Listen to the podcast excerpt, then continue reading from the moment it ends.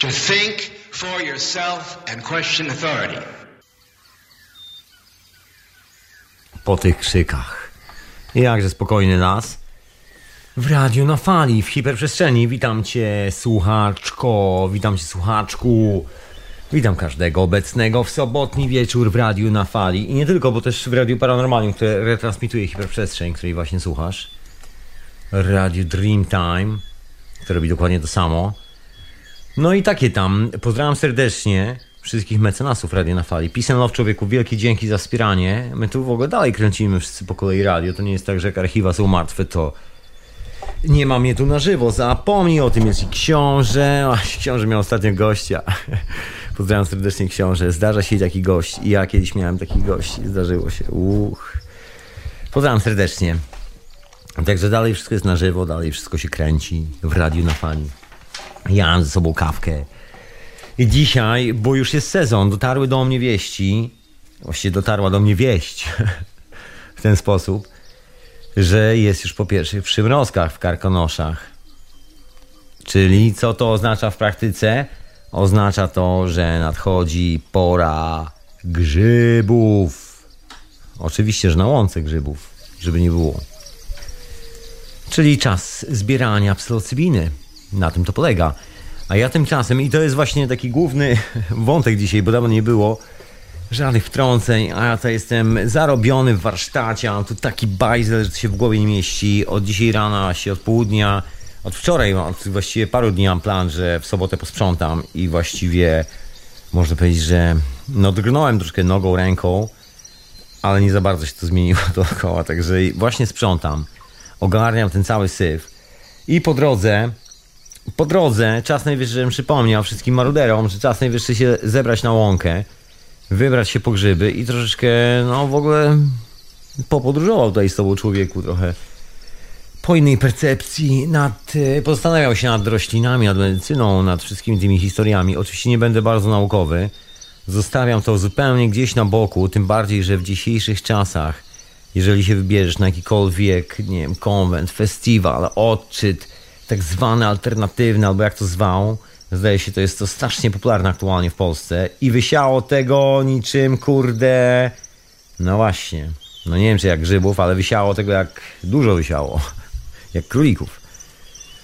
No jest tam masa różnych prelegentów. Minimum podejrzewam, że na każdej takiej e, dużej imprezie jest sami dwa, trzy wykłady opowiadane przez bardzo przestraszonego pana psychologa najczęściej, albo kogoś takiego mocno przestraszonego, albo i nie opowiada, że to jest jednak medycyna, to nie są narkotyki, to nie jest tak, jak myśleliśmy wszyscy. No i mniej więcej wszystkie te naukowe dane są tam nieustannie wałkowane w jedną i w drugą stronę. Gdyby taki gentleman od e, Rick Strassman, tak, zdaje się, od Molekuły Duszy napisał więcej książek, chyba napisał, i wydano ich e, więcej w Polsce, to wszyscy by używali jeszcze więcej porównań z tej samej książki. No bo to mniej więcej się opiera na tym, że wyszło parę książek. Ludzie sobie poczytali, sprawdzili w internecie wszystkie dane naukowe. No i teraz robią takie wykłady o tym, że nie jest to wcale trucizna. No ale ja to wiem, no co mam ci powiedzieć człowieku. Używam tego od chyba 20 lat. Jak widać, ani mnie nie pokręciło, ani mnie nie potruło. Efekt jest taki, że siedzę sobie spokojnie, zrelaksowany. Nie przejmuję się za, za bardzo duperelami i siedzę sobie i mówię do ciebie. Czyli wszystko jest w porządku. Żadnych problemów na horyzoncie, absolutnie. I chciałem troszkę o takich rzeczach związanych z troszkę poboczną historią z medycyną poopowiadać. Trochę o takim koncepcie, który tutaj ciągle mi chodzi po głowie, wiesz, zmiany globalne i tak dalej. Bo ja myślę, że w ogóle taka cicha, pełzająca zmiana to jest między innymi historia związana z medycyną. O tym my wspominamy nie raz, nie dwa, nie trzy. Każdy, kto przesłuchał jakichś archiwalnych odcinków hiperprzestrzeni doskonale o tym wie. Ale dzisiaj jak zwykle będę starał się połączyć kropki Niekoniecznie, że było nad żadną i. Nie, nie, nic z tych rzeczy. Lecę dalej z kropkami, absolutnie. I mam piosenkę. I zacznę od piosenki, bo na dzisiaj mam dużo piosenek i oczywiście las, las w tle. Czasami głośniej, czasami ciszej. Wiadomo, hiperprzestrzeń w Radio na Fali. Hu, hu, hu. Ty możesz zadzwonić do mnie radionafali.com Taki jest adres na Skype'ie. Ja oprócz tego jestem jeszcze na czacie Radia na Fali, także pozdrawiam wszystkich chatmenów, chatmenko i chatmenie, pozdrawiam cię serdecznie. Tutaj z południa Londynu. Macham do ciebie, pogoda jest paskudna. Znaczy nie paskudna, ale taka wiesz. Taka sobie pogoda, powiem ci szczerze. I. No i może dlatego nie chce mi się nic dzisiaj sprzątać. Nic, a nic, nic, a nic. E, Zajęty jestem relaksowaniem się. Jestem tak zajęty, że muszę się bardzo śpieszyć w, w tym, że się ten granie. Śpieszę się tak bardzo, że nie mam czasu się śpieszyć nawet. Tak się śpieszę. Tak dzisiaj jestem zajęty. Znaczy nie, no oczywiście dzień, dzień spędzony na różnych obowiązkach do połowy. A teraz? A teraz już czas najwyższy zatopić się w refleksji. Uch, ja i tak będę wracał do porządku, bo w ogóle te moje porządki dookoła zbiegały się w ogóle z tematem, no bo czym jest używanie medycyny naturalnej jest niczym innym jak robienie sobie porządków w głowie. Taka jest moja koncepcja i to rzucam przed tobą na start człowieku. O tych porządkach w głowie dzisiaj chcę popowiadać, bo pierwszy przymrozek w Polsce, w Karkonoszach już za nami. Nie wiem jak w Beskidzie, nie wiem jak wreszcie w Tatrach, wszystkich tych żywcach i Bieszczadach. Jeżeli jest po pierwszym przymrozku, to jest to idealny moment na grzybobranie człowieku. Tylko uważaj na policję, bo naprawdę tych ludzi nie chcemy spotykać nigdzie. Anyway, właśnie, bo chciałem tutaj zacząć od czegoś. Od czegoś trzeba zacząć. Właśnie, Terence McKenna kiedyś miał taką koncepcję, jeszcze kiedy był tu wśród nas, że syf zaczął się wtedy, kiedy masowo wprowadzono alkohol. Browary, szwinka, popijanie i zaczęło się jakieś lekkie upośledzenie neurotyczne, jakie odruchy, strzelanie sobie po pyskach, wybuchy niczym nieuzasadnionej agresji. No, rozumiesz co chodzi. Nie raz, nie dwa człowieku byłeś na imprezie, ja też, także znamy tą historię. Od, powsze- od, po- od ja tu mam herbatę, muszę przełknąć, nie będę się tak zacinał. Mm. Piękny las, prawda? Mam nawet notatkę ze sobą na kartce papieru w tym lesie. Ale to recyklingowany papier. Drzewa mnie nie zatłuką. Właśnie. I co z tym alko? Że wcześniej było coś jeszcze innego poza alko i to wcześniej coś innego to głównie substancje, które ja nazywam medycyną, czyli substancje, które co po niektórzy nazywają substancjami psychoaktywnymi. No i co by nie mówić, jeżeli się wybierzesz do British Museum, a bywam tam czasami, może niezbyt często, kiedyś bywałem o wiele częściej, ale dalej tam bywam. No i jest tam kilka bardzo ciekawych rzeczy w tym British Museum. Jest kultura, która mnie fascynuje od lat. Pamiętam, chyba z 20 parę lat temu czytałem o tych gentlemanach w jakiejś publikacji takiej naukowej napisanej przez jednego z polskich archeologów, którego w czasach PRL-u wysłano do bratniej e, jakiejś tam republiki gdzieś tam, czy jakoś tak. W każdym razie wylądował w Peru. No i w tym Peru porobił troszkę zdjęć tej kultury, czarno-białych oczywiście, po czym wrócił do Polski, napisał o tym pracę. To jeszcze były lata 70., czy chyba nawet 60. Nie było wszędzie barierek z e, linkami, że nie można wejść, wszystko było głównie zarośnięte. No dziko było, ale za to można było wleźć wszędzie. No i jest sporo ciekawych zdjęć. Za cholerę sobie nie przypomnę, jak się nazywała ta publikacja. Wytargałem ją u pewnego dżentelmena. Pozdrawiam serdecznie, jeśli teraz słucha.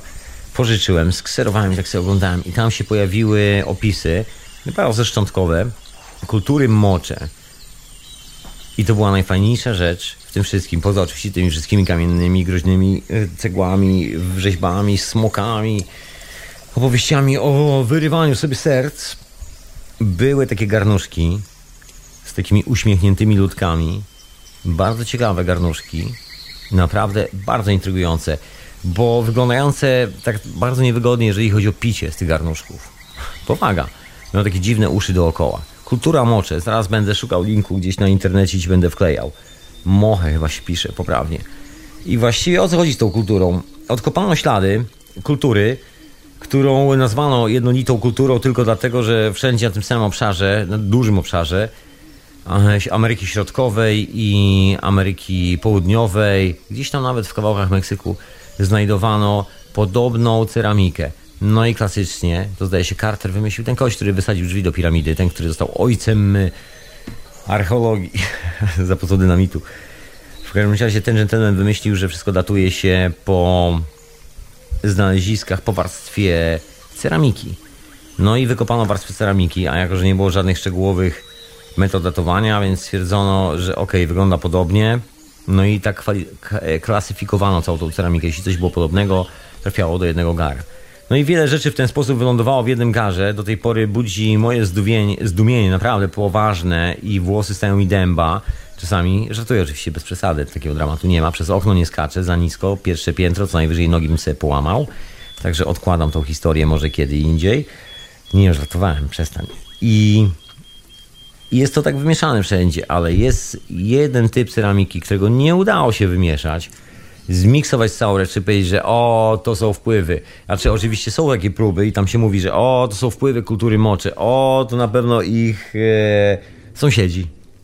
A to, to nie wiem, ale to na pewno oni. czy jakoś tak, albo coś po nich.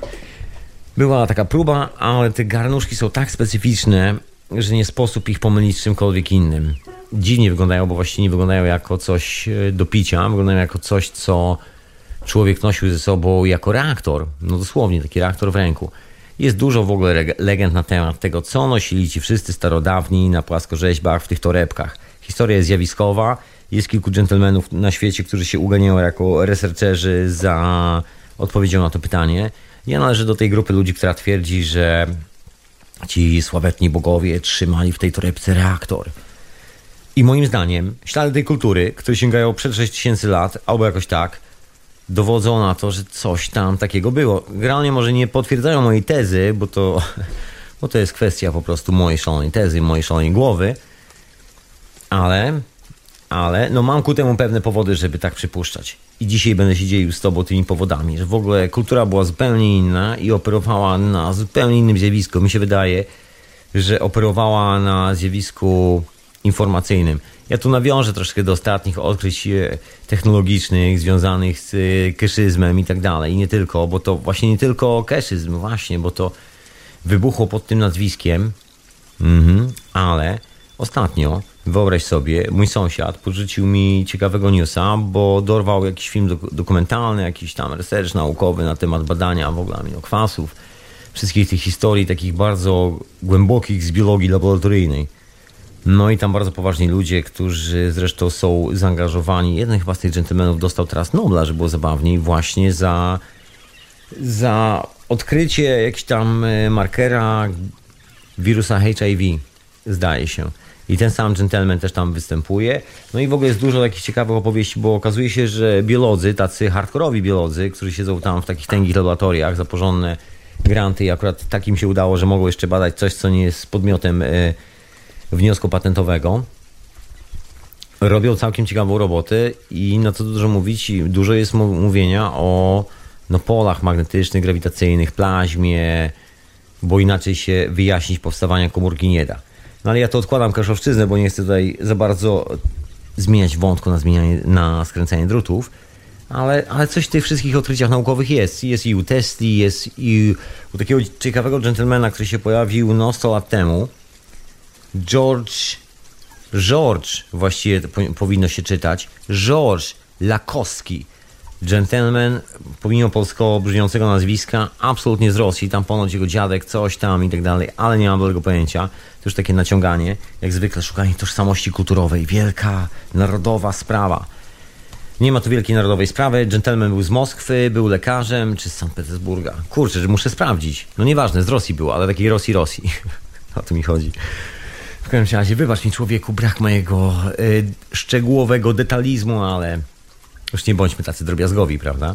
Jest sobotni wieczór, jest impreza. No i w każdym razie ten gentleman budował ciekawe urządzenia. Swego czasu odwiedził nawet Nikolę Tesla w jego laboratorium, o czym krążą legendy. I panowie dyskutowali, o czym też krążą legendy, bo oczywiście nikt z nas nie ma tego na piśmie dyskutowali istnienie tej drugiej tajemniczej siły, którą my teraz znamy jako właściwie pełne ujęcie magnetograwitacyjne. Wtedy panowie to dyskutowali, bo każdy z nich zauważał pewne anomalie naukowe. No i George, co ja tak z angielskiego strasznie. ja muszę pobić jakąś herbatę, żeby tego George'a poprawnie wymawiać. Bo Georges z francuskiego, bo Georges zanim trafił do Ameryki spotkał Nikolę Tesla, to się bujał po Paryżu i to nie byle gdzie się bujał, nie w jakichś wyświechtanych progach, tylko w paryskim szpitalu rządowym, takim miejskim, rządowym, gdzie się leczyli wszyscy ci konstable, prominenci, desydenci itd., tak itd. Tak Światła elita, tak zwana w cudzysłowie światła oczywiście. Także nie był to kolega, który wypadł z trocy z potogona i zbudował tam maszyny, które leczyły raka bardzo skutecznie, leczyły infekcje skóry. To są te słynne tarcze Lakowskiego, George'a Lakowskiego. George'a, znowu to mylę. George, forgive me, monsieur. Gdziekolwiek jesteś.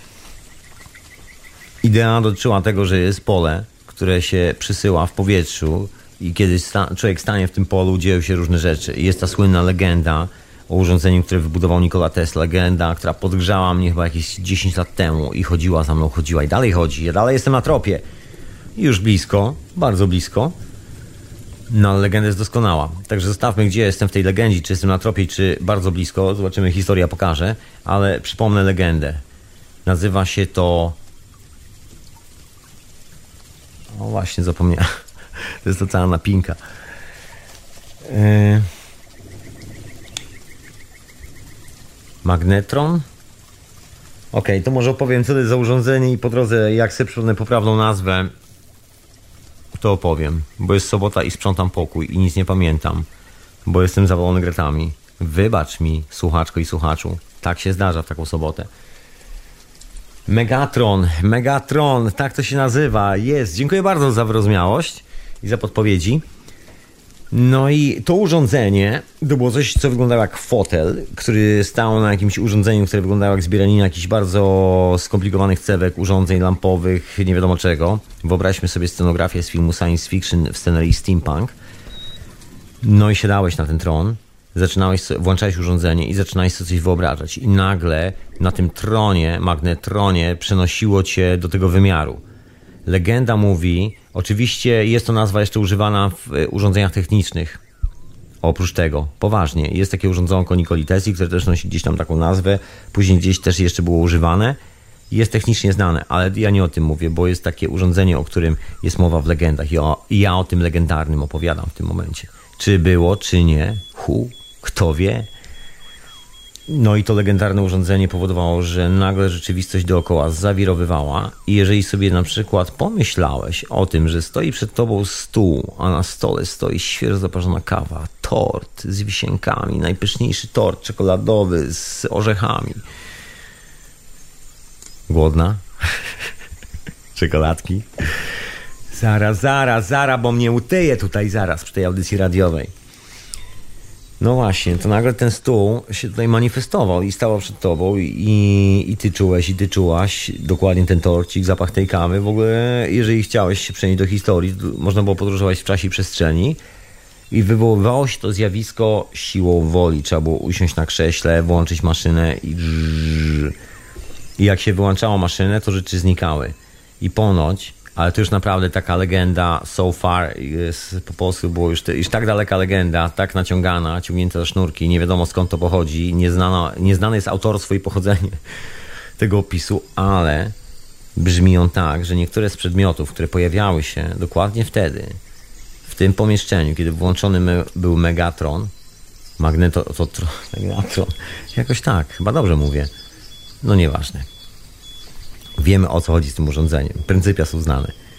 To niektóre rzeczy potrafiły pozostać. Czyli jeżeli wracałeś z tej podróży, to w tym momencie na talerzyku był kawałek tortu i świeżo zaparzona kawka. Yes!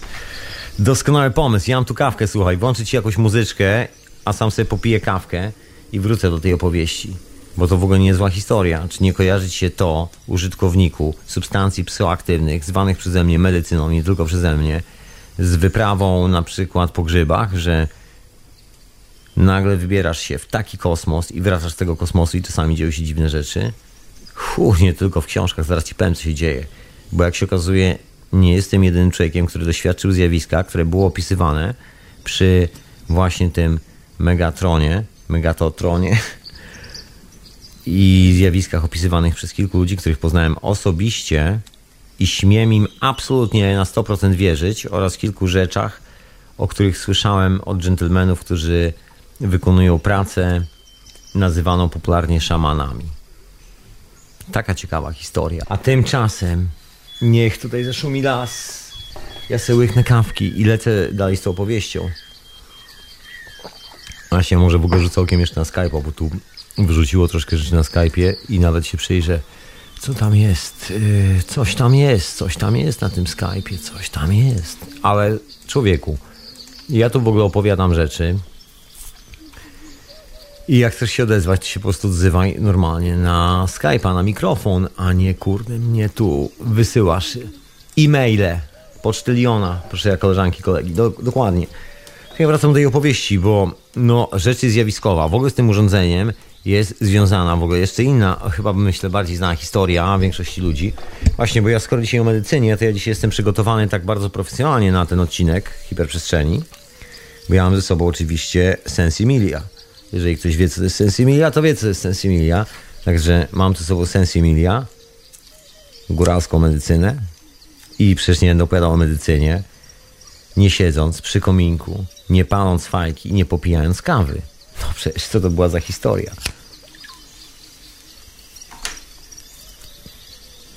Z dobrą intencją, pokoju i miłości oczywiście. No i wracam do tej historii. Aż sobie łyknę jeszcze kawki. No właśnie, bo ta historia się właśnie zagęszcza.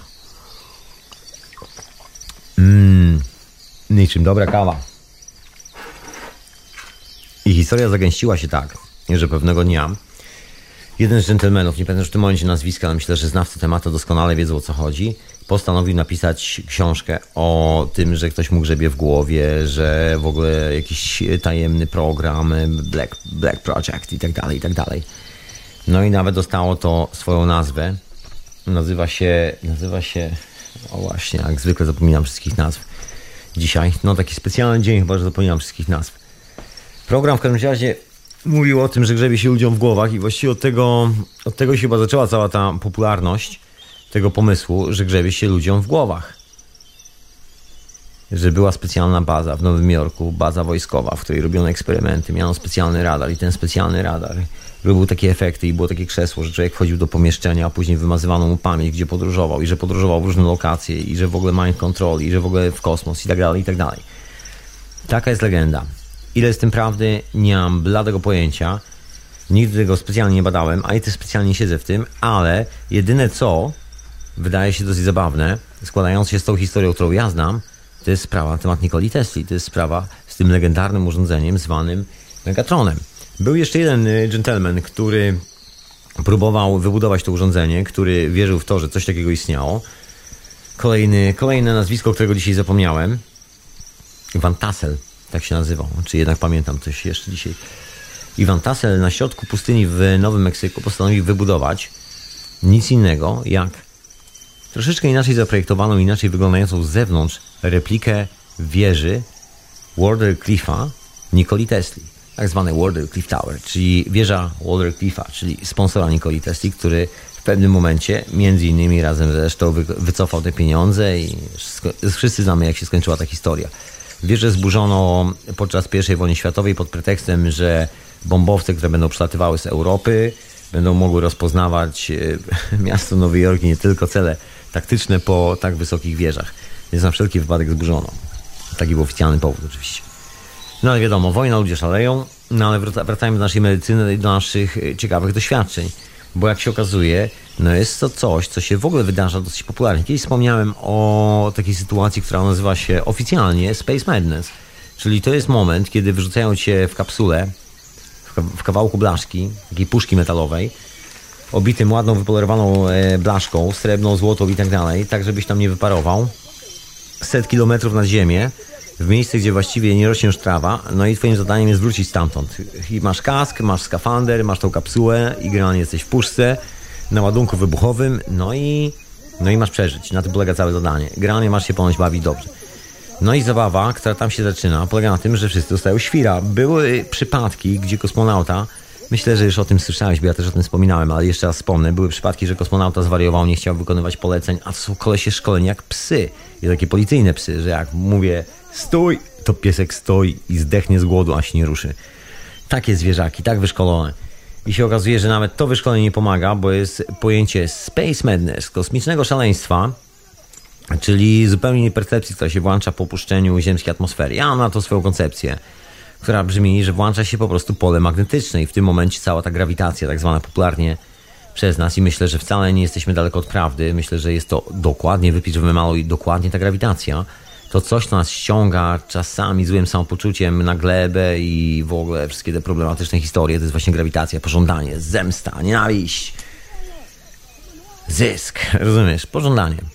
Pożądanie tych wszystkich dziwnych chcieństw cokolwiek by to nie było, to jest bardzo mocna grawitacyjna rzecz i nagle okazuje się, że jak panowie są w kapsule, to to wszystko się odkleja, no bo właściwie nic dziwnego. Słuchaj, jesteś w kawałku stalowej puszki z kawałkiem szybki, który nie wiadomo czy wytrzyma. Set kilometrów nad ziemią. Pięknie to ona musi wyglądać. Pięknie. Pięknie mama naturalna, na pewno wygląda. Niebo, chmury, wiesz, ale łapiesz to, że słuchaj, krążysz w kawałku puszki na orbicie planety, masz kawałek gazu w butli, który możesz odpalić za pomocą specjalnej zapalniczki, nazywa się to dyszą i generalnie spróbować za pomocą tej puszki z gazem wrócić na ziemię. Dobry pomysł. Generalnie masz komunikację. Masz. Masz komputer, możesz robić zdjęcia i oprócz tego nie masz nic do stracenia, bo i tak, czy przeżyjesz, czy nie, każda opcja jest już pokryta. Twoje życie zostało już skalkulowane na wypadek, gdybyś człowieku tam zmarł. Powaga jakie było wkurzenie amerykańskich astronautów. To jest opisane w książkach, jak wrócili z tej pierwszej misji i dowiedzieli się, że rząd miał specjalnie przygotowane takie już nagrane kawałki filmowe pod tytułem to byli dzielni chłopcy i było bardzo blisko, żeby to puścili, bo coś tam poszło nie tak. Uch, to się chłopcy ponoć wkurzyli, że takich potraktowali, no ale tak jest traktowany każdy samobójca, który chce wsiąść na zbiornik z ładunkiem wybuchowym i w tym zbiorniku niczym Twardowski polecieć na księżyc.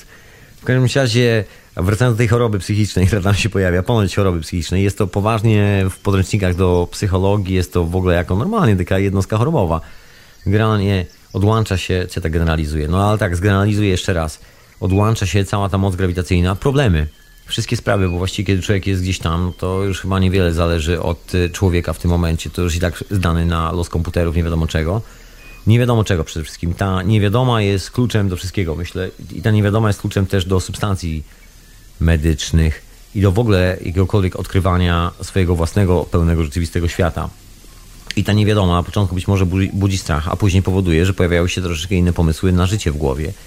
Czasami tak diametralnie inne, że rozkaz z bazy, który mówi wykonaj polecenie X, kończy się tak, że jest wyłączana w ogóle jakakolwiek komunikacja ze statku kosmicznego, przynajmniej tak, którą kosmonauta może wyłączyć ręcznie, zdalnie. No i nagle chłopaki z bazy mają taki trefny numer, bo ich kolega na orbicie nie chce z nimi rozmawiać i ma to wszystko w dupie. Były takie przygody, kiedy kosmonauta przykleił się do luku, znaczy do luku, co ja mówię? No tak, do, nie wiem czy do luku, bo luk to jest bagażowy, ale przykleił się do wizjera do okienka i obserwował Ziemię. I gdzieś tam dosłownie w ostatnim momencie udało się go oderwać od tego okienka. I to jest, z tego co słyszałem, główny powód, dla którego nie wysyła się nigdy jednego kosmonauty, ponieważ szansa, że zwariuje jest y, jak 100 do 1, jak 100 na 100, a jak będzie dwóch, trzech, czterech, to jest szansa, że jeden będzie pilnował drugiego i może nie zwariują. Ale pytanie, czy to jest wariactwo?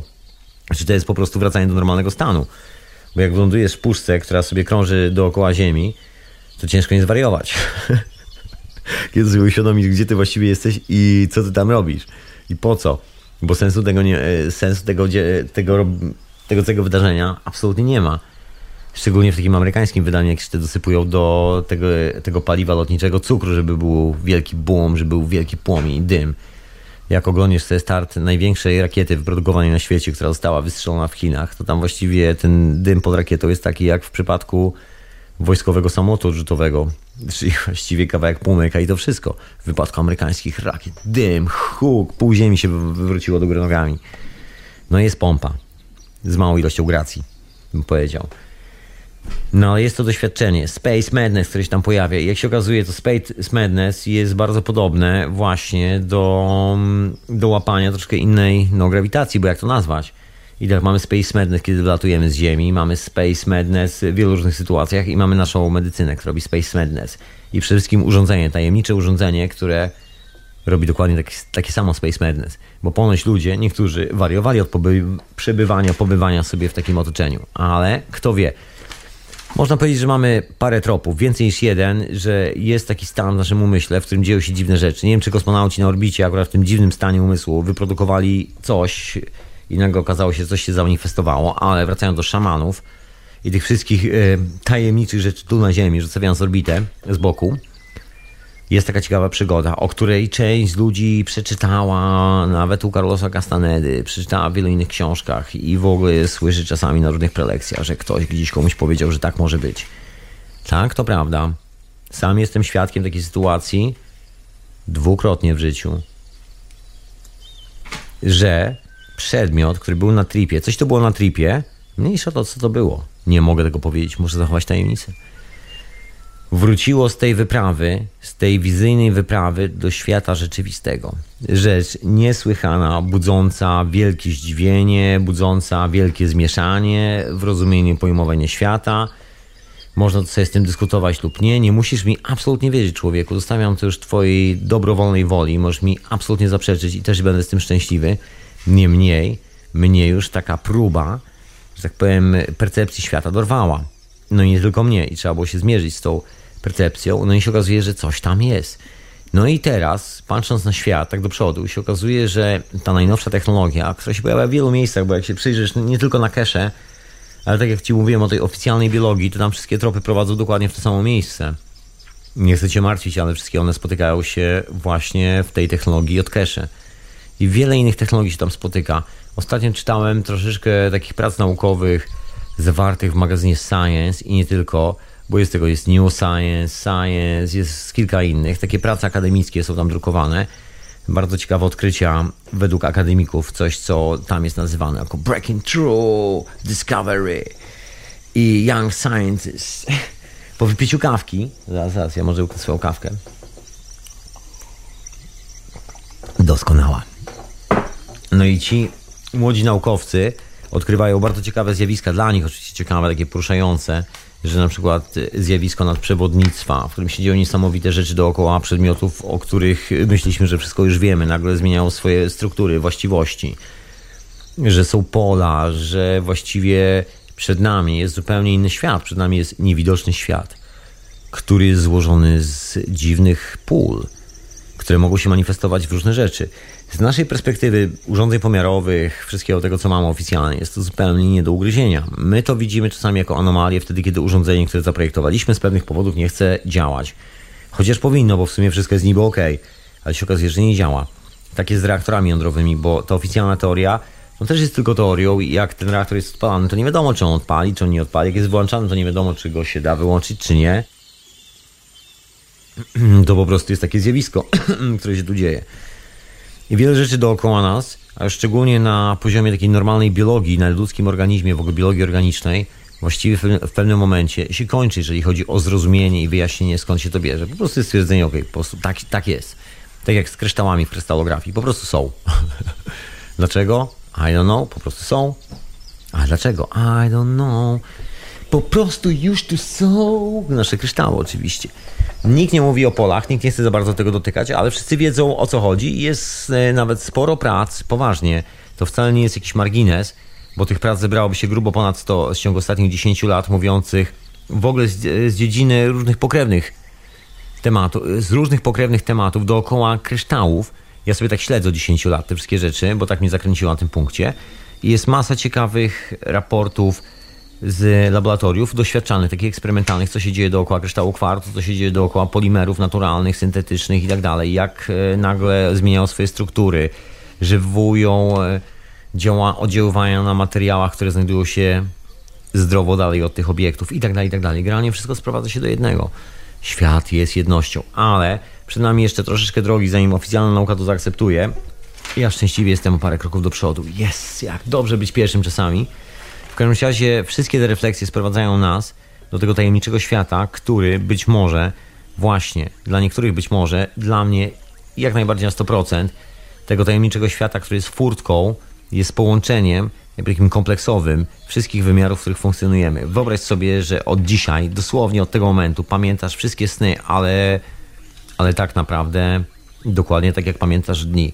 Nie pamiętasz tego jako sny, tylko jako dni co by się wtedy działo, wszystkie te historie, w ilu miejscach byśmy żyli, ty i ja. Kto by traktował z nas tą rzeczywistość tutaj serio, a no właśnie, która jest bardziej serio, która mniej. I tu zaczynają się historie. A w wizjach jest jeszcze mocniej, bo sen to jest jeszcze sen, to jest jeszcze historia, z której się budzisz.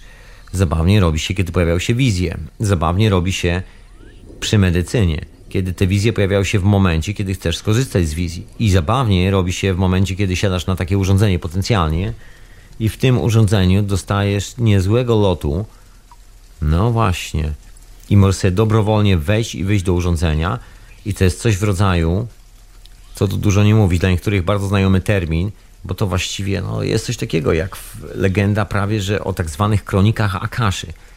Często jest określane jako miejsce, skarbnica wiedzy, która gdzieś jest tam zakopana w górach, trzeba przebić się przez korytarze, wyjść i tak dalej, ale są też legendy i to bardzo ciekawe legendy, które są, można powiedzieć, promowane przez takiego rosyjskiego naukowca, jednego dżentelmena, który na tej planecie dokonał transplantacji oczu i to się udało. Pan jest taki bardzo, no, dla niektórych bardzo skojarzonych z mainstreamem, wydaje się bardzo mocno kontrowersyjny, bo ma bardzo, jak na takie mainstreamowe historie, bardzo kontrowersyjne podejście do, i do medycyny, i do wszystkiego.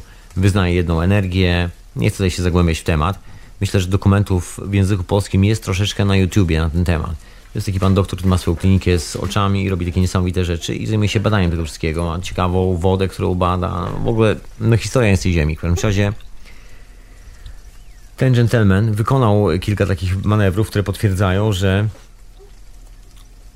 ta kronika Akaszy gdzieś istnieje. Znaczy on szukał nawet jej fizycznie. I on twierdzi, że pewnego dnia się dostał do tej kroniki Akaszy w wizjach. I takich dżentelmenów jak on na świecie jest setki, tysiące i powiem Ci szczerze, że sam należy do ludzi, którzy też mieli taką wizję, że wbili się do takiej biblioteki czegoś, co można nazwać kronikami Akaszy dla niektórych.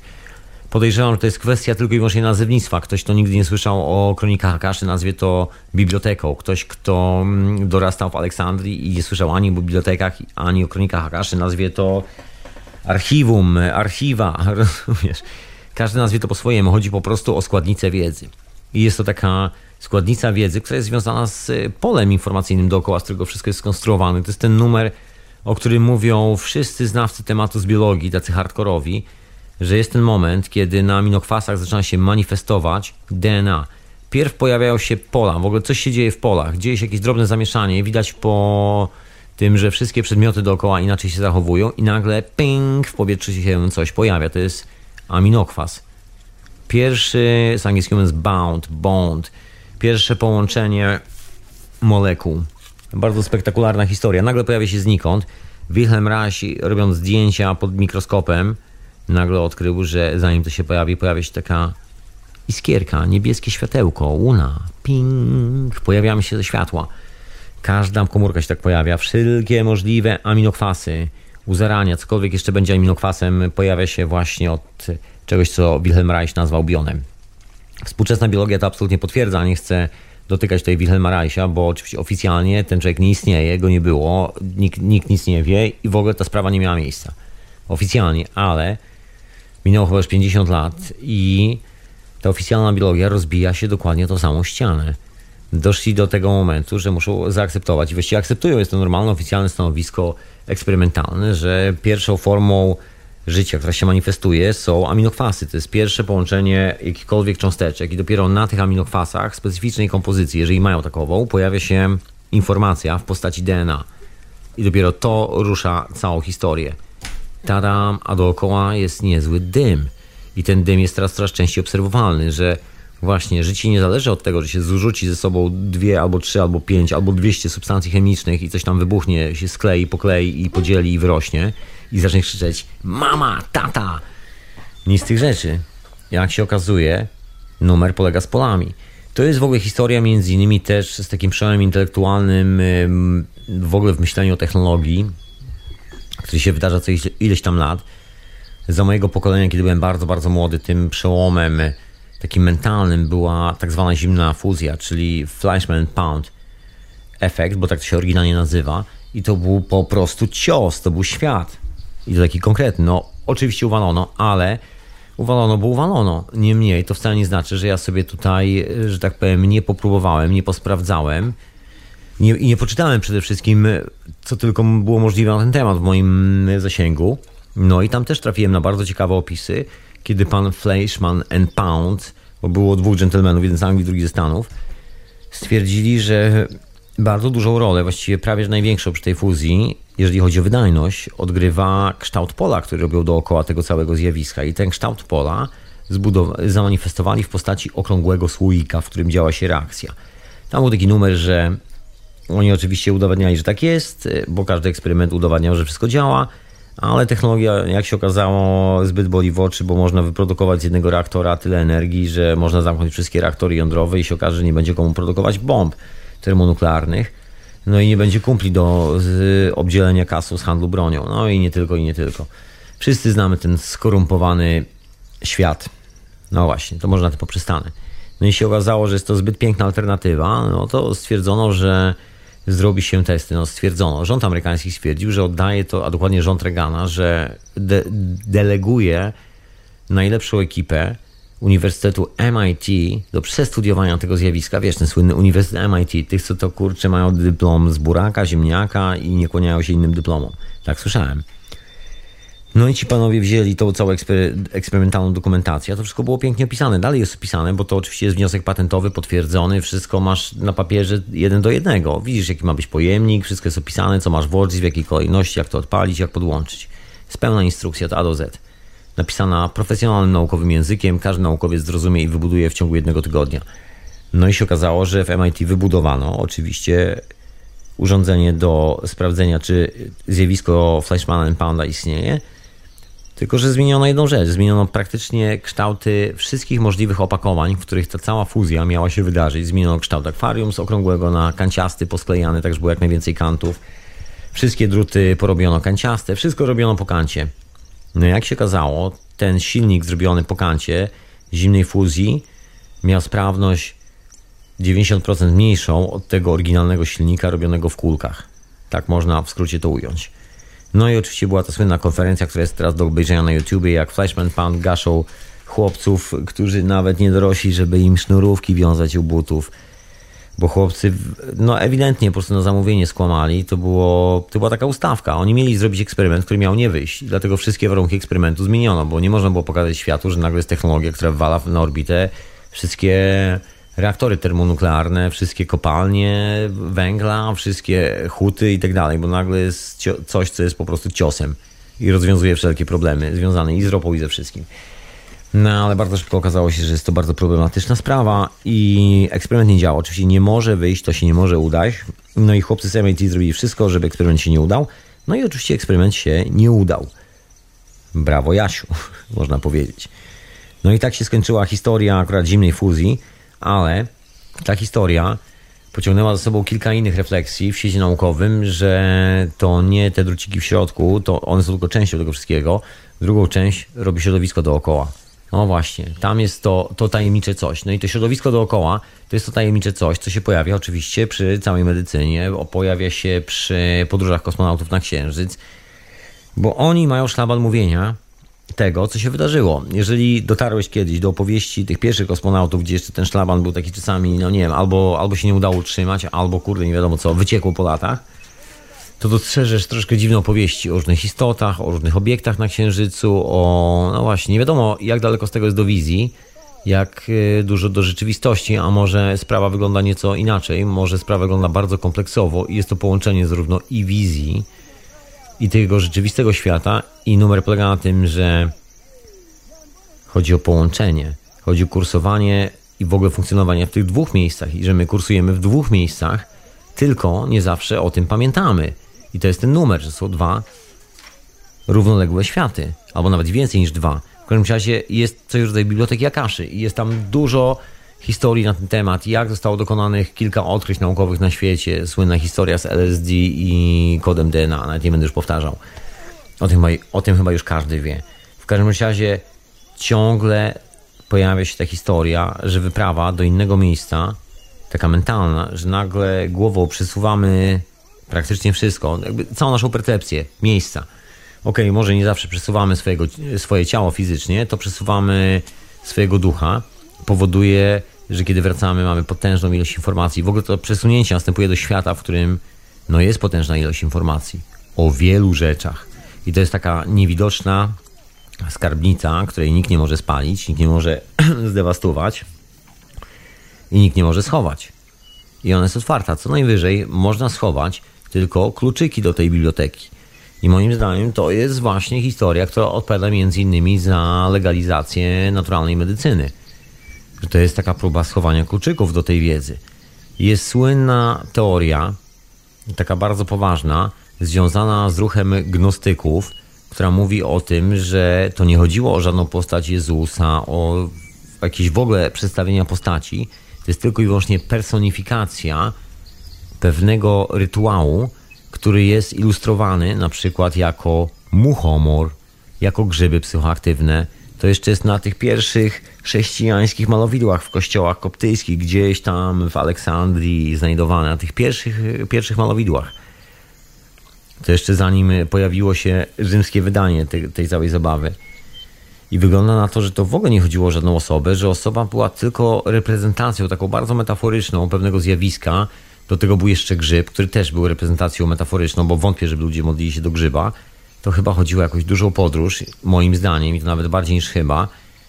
I to jest ta wyprawa do wewnątrz. To jest ten kluczyk. Że to może nie była żadna religia, tylko to była informacja o tym, że są kluczyki i że są opcje używania tego kluczyka, żeby w ciężkich sytuacjach, kiedy bardzo mocna grawitacyjna fala nas zwiewa gdzieś nie wiadomo gdzie, żeby szybciutko sobie otworzyć głowę i szybciutko z tej głowy wypuścić jakieś dobre myśli, ogarnąć się, przynieść jakiś pomysł, który nie jest destrukcyjny, który nie roztrzasuje wszystkiego, nie wysadza całego świata w powietrze i zbudować coś bardzo miłego. I to mi się wydaje jest dokładnie ten numer. No właśnie, no i tu jeszcze jest ciekawa rzecz, na ile mocne jest to podróżowanie, bo oczywiście do tej pory żyjemy w świecie, w którym no, można powiedzieć, ma to status takiej bajki. No bo okej, okay, wybieramy się na wyprawę psychodeliczną, mamy wizję, wracamy z tej wizji, no ale świat jest tak, jaki był. No my się zmieniamy bardzo mocno i to, co my robimy w swoim życiu, bardzo mocno zmienia świat. To jest druga sprawa tej całej historii, ale jeszcze jest jedna, taka troszkę tajemnicza, o której mówiłem, że właśnie zdarza się w tych książkach Castaniedy i nie tylko.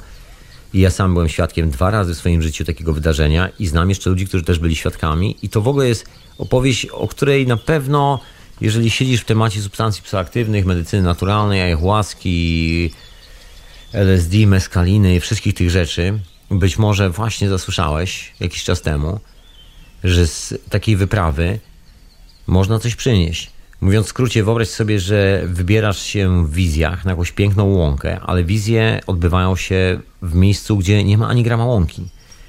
Kiedy wracasz z tej wizji, otwierasz dłoń nad ranem, a w ręku masz kwiat z tej łąki. I teraz jest pytanie, jak ten kwiat znalazł się w twojej dłoni, skoro siedzisz około być może 20 tysięcy mil od tej łąki. I minęło raptem 8 godzin, to nawet Concordem, gdyby jeszcze latały, by się nie dało tam dolecieć. I tu jest pytanie o granicę tego świata. I kolejne pytanie o granicę tego świata sięga owych tajemniczych urządzeń. Wiadomo, że coś takiego istniało. Wiadomo, że. Znaczy, wiadomo. No ja myślę, że coś takiego istniało. Wiem, że wielu ludzi w historii, chociażby Van Tassel, i, no nie tylko on, bo słyszałem o paru nazwiskach. W tym momencie oczywiście zapomniałem, żeby je przytoczyć i oczywiście ich nie pamiętam, ale paru ludzi szukało tego urządzenia. Nikoli Tesli, tego, które realizowało wizję. Ponoć były zbudowane tylko dwa. I jest to tajemnicza historia związana z drugim piętrem w hotelu, w którym Nikola Tesla pomieszkiwał do śmierci. Przecież nikt w tym laboratorium nigdy nie był na drugim piętrze. Nikt z nas nie widział żadnych zdjęć, nikt nie wie, co tam było.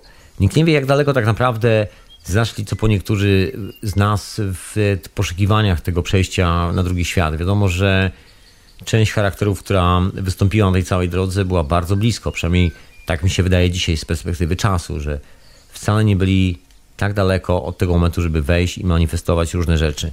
Być może to była ta zagadka i być może to jest ta największa zagadka, przed którą wzdryga się i chroni nauka. Po to właśnie wymyślono religię, żeby nas ciągle pilnować, że jest tylko jeden świat. No bo za chwilę się okaże, że na przykład mamy braci w kosmosie i co na to religię, jeżeli brat z kosmosu wyjdzie i powie, no nie no stary, to jest ściema, no to co się okaże z tą religią? Bo do tej pory było tak, że to jest pośrednik pomiędzy tym, co jest niebie, niebiańskie, a tym, co jest ziemskie. No i teraz to, co nie jest niebiańskie, przychodzi bezpośrednio, rozmawia z każdym, jak ty z sąsiadem, jak ja z sąsiadem. No i teraz pytanie, kto jest bardziej święty?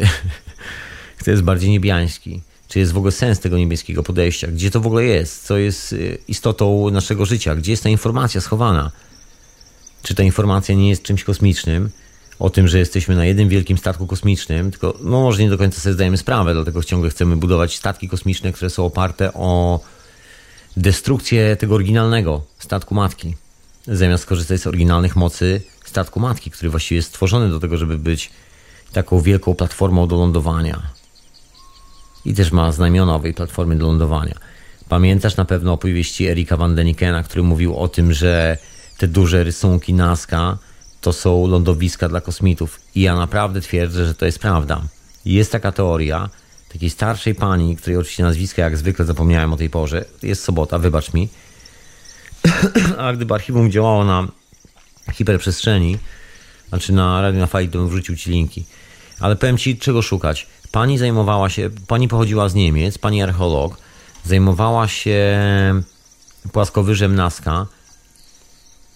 Jak ona się nazywała?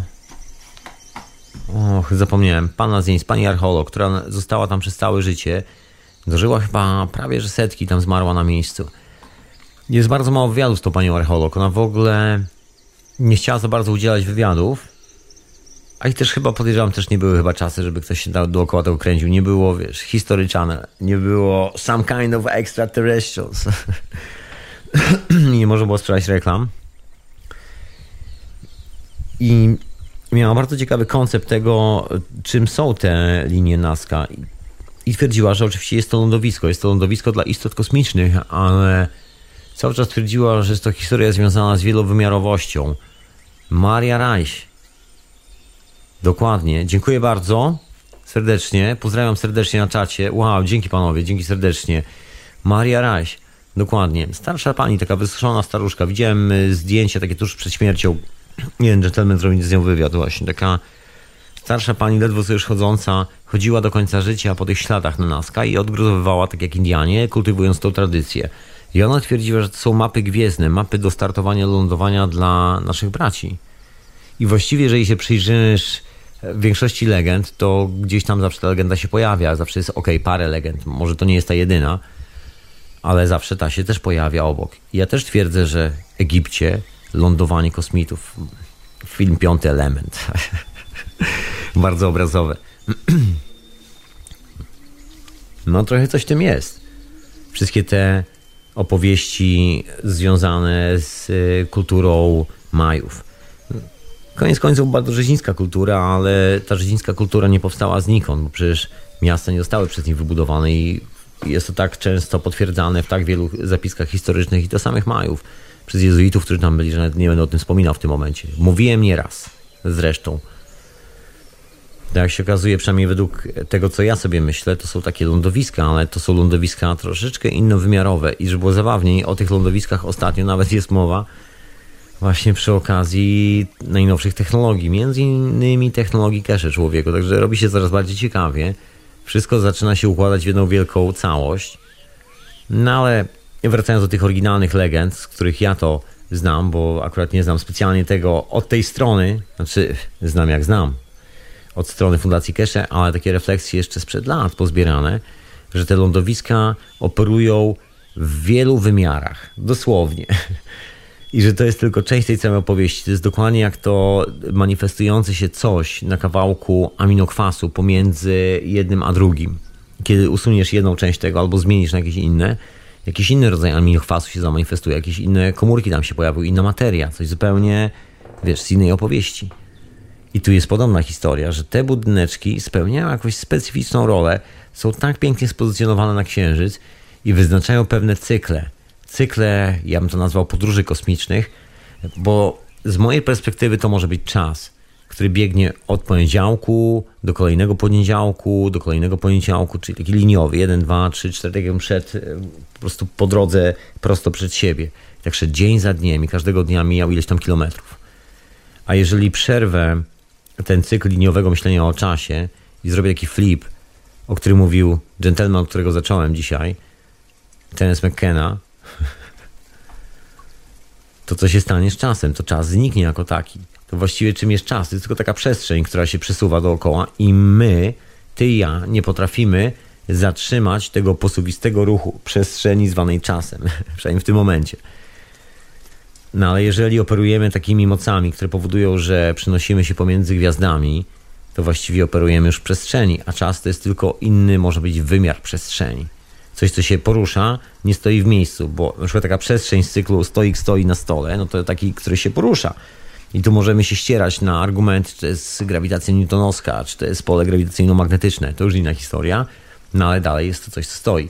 Natomiast tutaj jest poruszanie się, dynamika, coś w akcji. I przypomina to te podróże szamanów, którzy bardzo często tą sztuczkę doskonale znają i potrafią nie raz, nie dwa z takiej wyprawy, gdzie sobie usiądzie w dżungli, przynieść sobie w garści kamyk z innego lądu, na którym nigdy w rzeczywistości nie był. I jak to się dzieje? I jak to wyjaśnić? No właśnie. Ale sprawa jest dokładnie taka sama. I te same opowieści o tym, że jak włączano tą dziwną maszynę Nikoli Tesli, ponoć były dwa egzemplarze, jeden został zniszczony, a drugi ponoć posiada rząd amerykański, czy jakoś tak. Nie wiem na ile jest to prawda, na ile jest to bajkowa legenda w stylu Indiana Jones.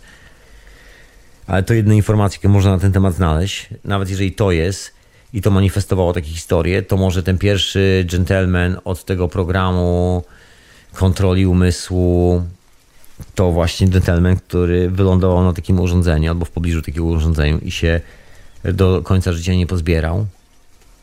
Może o to chodzi. Montag, tak się nazywa ten program, dokładnie. Program Montag, tak to się nazywało w zapiskach. Bardzo dziwny, taki szpiegowski program e, remote viewing, że ktoś miał myślami prześledzić gdzieś jakąś inną sytuację, miejsce, sprawdzić, co tam się dzieje.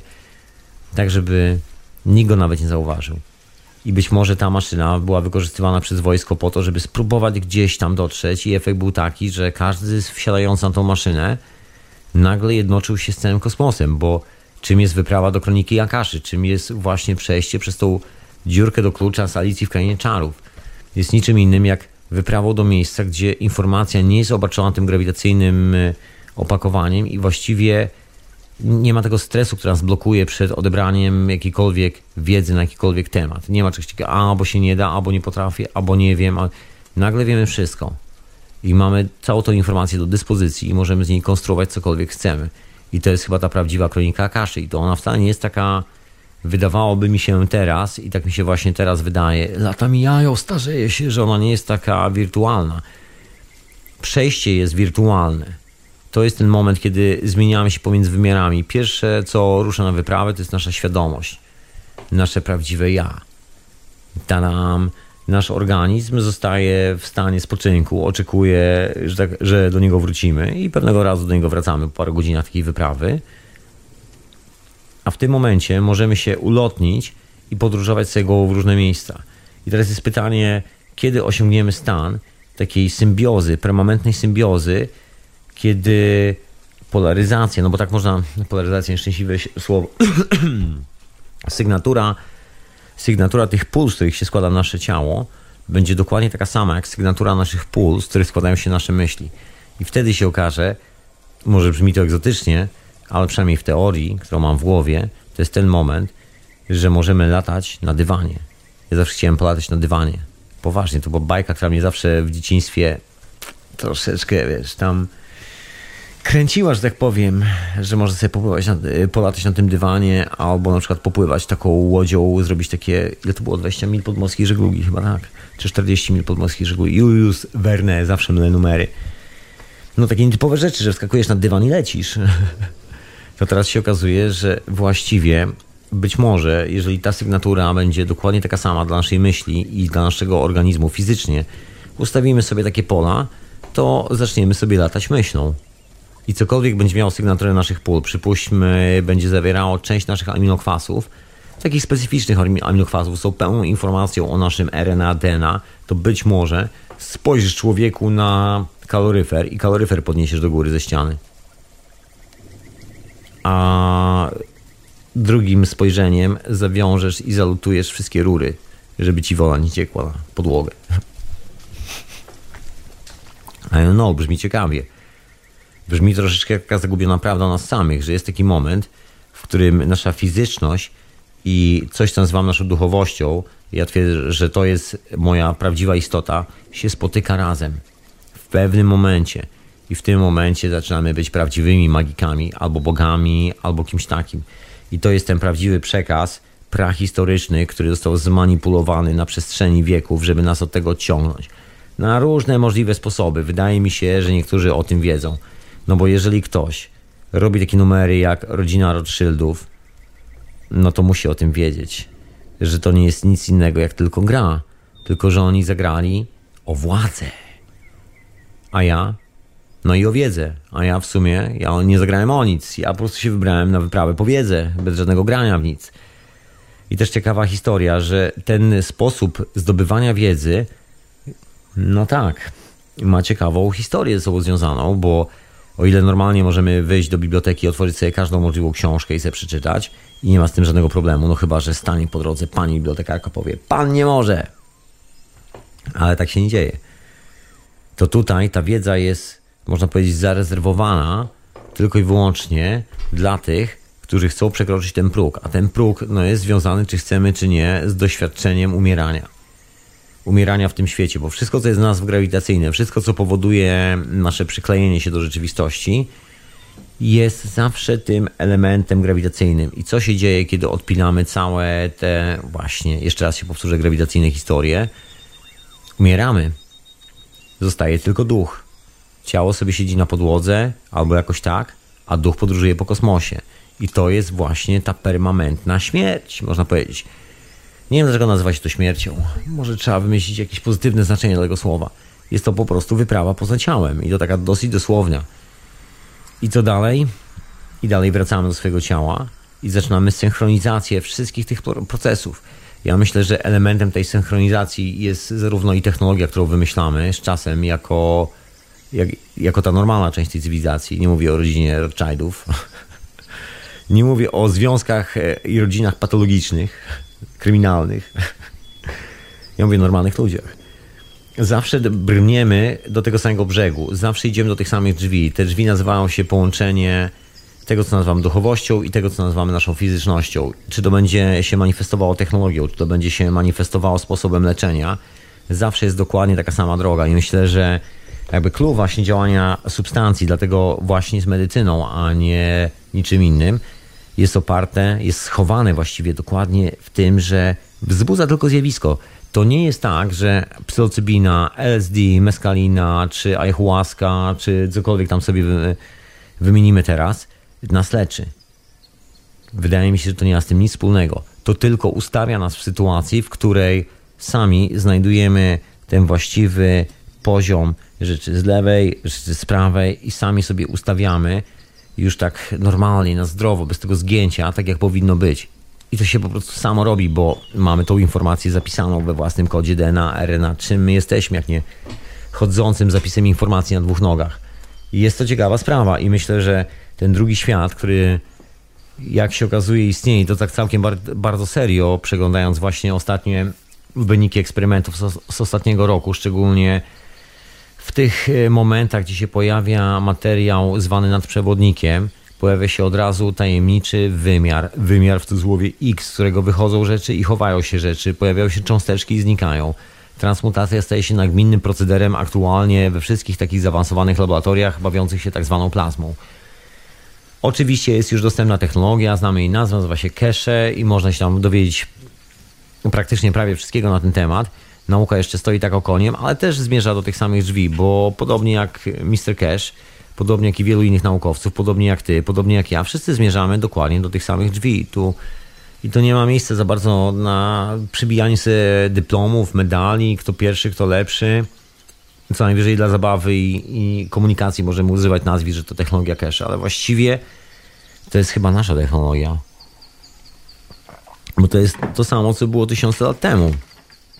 Dawniej nazywano to alchemią, z tej alchemii zrobiła się oficjalna nauka. I tylko dlatego nie mamy tego oficjalnej w nauce, bo całe zgięcie zaczęło się właściwie od alchemii, bo to tu, to tu ściemniać. No, nie, nie będę czarował. Słuchasz hiperprzestrzeni, jak najbardziej, ale na imię Tomek, możesz dzwonić radionafali.com. Anyway, wracam do historii, bo z alchemią jest ciekawa sprawa, bardzo ciekawa sprawa. Mianowicie sparszywienie właśnie nastąpiło już przy alchemii. Otóż to bo dokonał się taki zabawny rozłam. Alchemicy to byli dżentelmeni, którzy byli na tyle zdesperowani, żeby próbować produkować złoto i szukać tego pomysłu na życie, a, że tak powiem, stara baba, która robiła lekarstwa z ziół, już nie była opłacalna dla lokalnego kacyka, no i starą babę można było spalić na stosie, a alchemika spokojnie utrzymywać na żołdzie, że tak powiem, że tam próbował produkować złoto, no i paru tych alchemików przez Europę się prze, prze że tak powiem, przesunęło, przemknęło, przepłynęło, przesunęło. Anyway, u jednego z nich znaleziono jedną rzecz, która się nazywa czarne lusterko, a mowa jest o Johnny D. Lusterko jest w muzeum w Londynie, można sobie je oglądać. Trzeba je znaleźć Victorian Museum, tam się znajduje. Ale to nie jest jedyne lusterko, ponieważ John Dee wiedział o tym, że jak każdy alchemik, o tym, że jest druga rzeczywistość, która jest dokładnie tak samo realna jak ta, która jest tu i teraz i można z niej przynosić rzeczy, można robić różne sprawy, że to złoto, które się manifestuje, manifestuje się właśnie za pomocą kontrolowania owych mocy, że to nie jest zjawisko boskie. Żaden z alchemików nie był katolikiem, taka jest prawda. Wszyscy o tym wiemy, ponieważ każdy z nich potrafił, no prawie każdy z nich potrafił, może nie tyle chodzić po wodzie, ile prawie, że, także te bajki niestety nie udało się sprzedać, albo stety. Kto to wie? W każdym razie baba z ziołami trafiła na ognisko, a chłopaki trafiły do dworu i z tego dworu zrobiła się chemia, alchemia, fizyka, później fizyka molekularna, chemia, biologia i tak dalej, i tak dalej, matematyka. Matematyka istniała troszkę wcześniej, ale też została podporządkowana pod te wszystkie szaleństwa. No i koniec końców, jak się okazało, ta nauka ciągle szuka, moim zdaniem to jest taka spuścizna, próby kontroli stworzenia, próby kontroli tego zjawiska, nic innego. To jest ten powód, dla którego moim zdaniem bogaci ludzie, którzy mają wykupione bilety w kosmos, nigdy nie latają w kosmos. Wszyscy ci Rothschildowie, Rockefellerowie, oni mają bilet, oni mogą w każdej chwili polecieć w kosmos, ale wcale im nie zależy na tym doświadczeniu, które w książkach zostało opisane jako Space Madness, bo po dłuższym studiowaniu zachowań kosmonautów jest pewien problem. Chłopaki czasami no, świrują, można powiedzieć, albo w jedną, albo w drugą stronę. Widać, że coś się zaczyna dziać, że sposób godzenia się z rzeczywistością, no właśnie, znika, znika godzenie się z rzeczywistością. Trochę się zmieniają sprawy. Niektórzy wytrzymują, niektórzy nie. I żaden z tych bogatych ludzi nigdy się w lot w kosmos nie wybrał, bo nie chce ryzykować tego, że zmieni mu się perspektywa widzenia świata. Może się za bardzo odkoli od tych grawitacyjnych pomysłów i nagle poczuje się jak taka baba z ziołami, która wcale nie wybrała produkcji złota, tylko pomaganie ludziom. I to będzie taki poważny problem w głowie. Tak sobie myślę. No, co dużo mówić. Gentleman, który jest właścicielem firmy Virgin, Richard Branson, też jakoś nie lata w kosmos, chociaż promy kosmiczne ma. Jakoś nie spędza czasu na nich, tylko jeździ na rowerze na swojej wyspie na Karaibach, czy jakoś tak. I to jego cała działalność. Ale oczywiście ty możesz polecić, jak kupisz bilet. No właśnie, coś w tym jest w szaleństwie. To nie jest, e, myślę, szaleństwo, tylko to jest kwestia zatrzymania informacji o tym, że ten drugi wymiar jest bardzo realny i jest bardziej realny niż się nam kiedykolwiek wydawało. To jest ukryte moim zdaniem pod religiami, czy chcemy, czy nie. One próbują sprzedać nam część tych rzeczy, które możemy zobaczyć przechodząc przez granice wymiarów. Bo jasne jest to, że żeby tam dotrzeć, trzeba pozmieniać swoją własną sygnaturę organizmu. To jest ta tajemnica alchemików, że kamień filozoficzny produkowano przez 7 lat z własnej krwi i wszystkie te ciekawe opowieści na ten temat. No to nie jest żadna tajemnica w tym momencie. W tym momencie, kiedy znamy konstrukcję i budowę aminokwasów, no to wiemy już, że to jest dokładnie metoda pozyskiwania sobie takiej właściwej kompozycji pól grawitacyjno-magnetycznych, które w odpowiednim połączeniu z innymi substancjami mogą spowodować, że no, coś z tamtego świata, w którym będziemy tylko i wyłącznie głową, coś możemy ze sobą przynieść, możemy coś sprowadzić, bo w tym momencie wkładając nasze aminokwasy do tego urządzenia, zaczynamy kontrolę nad tymi urządzeniami. I było kilku dżentelmenów przecież, to, którzy to zrobili. Słynny, słynny gentleman od, jak to nazywano, moce sympatyczne. Walter, uh, Walter Kiwi. 1830 rok urządzenia sterowane siłą woli. Facet siadał na krześle, zastanawiał się przez chwilę i nagle urządzenie ruszało. I wszyscy szukali rurek, kabli, podłączeń. Nikt nie chciał w to uwierzyć, absolutnie. Nie, to niemożliwe, nie ma szansy. Ale kolega siadał i z uśmiechem na twarzy ten numer powtarzał za każdym razem. Siadał, włączał, wyłączał, przełączał. Zabawę z tego miał niezłą. Wszyscy dziennikarze lekko świrowali. Ciągle szukali jakichś rurek, szukali tajemniczych połączeń, druta, który to będzie łączył. Pomysł był taki, że na pewno robi to ciśnieniem, bo prąd elektryczny wtedy był zbyt słaby, żeby mógł za pomocą prądu elektrycznego wykrzesać takie moce. Także o prąd elektryczny go nikt nie podejrzewał i takie rzeczy się działy. I na pytanie, jak on to robi, to mówił, że szyfr do urządzenia ma w głowie i że musisz się zastanowić w odpowiedni sposób, sobie mówisz w myślach to słowo i urządzenie zaczyna działać. Jego asystent został nauczony tego słowa i gdzieś tam paru ludzi przetestowano i okazało się, że faktycznie działa. I nagle się okazało, że pełno przerażenia dookoła. Myślę, że to się bierze z tej niezgodności naszego charakteru z tym, co robimy. Bo głupio jest przyznać się przed samym sobą, że odjechaliśmy tak daleko ze swoim organizmem, że takie najprostsze instynkty, jak czucie energii rękami, widzenie czasami, czy coś świeci, czy nie świeci, takie normalne rzeczy, jeszcze parę pokoleń do tyłu dla każdego z nas, a że może nie dla każdego, dla tych niechciwych, rzeczy kompletnie normalne teraz wzbudzają sensacje. I to do tego stopnia, że nawet pojawiła się grupa ludzi, którzy właściwie zaczęli uczyć, jak, y, jak i co myśleć na temat tych, którzy widzą i czują.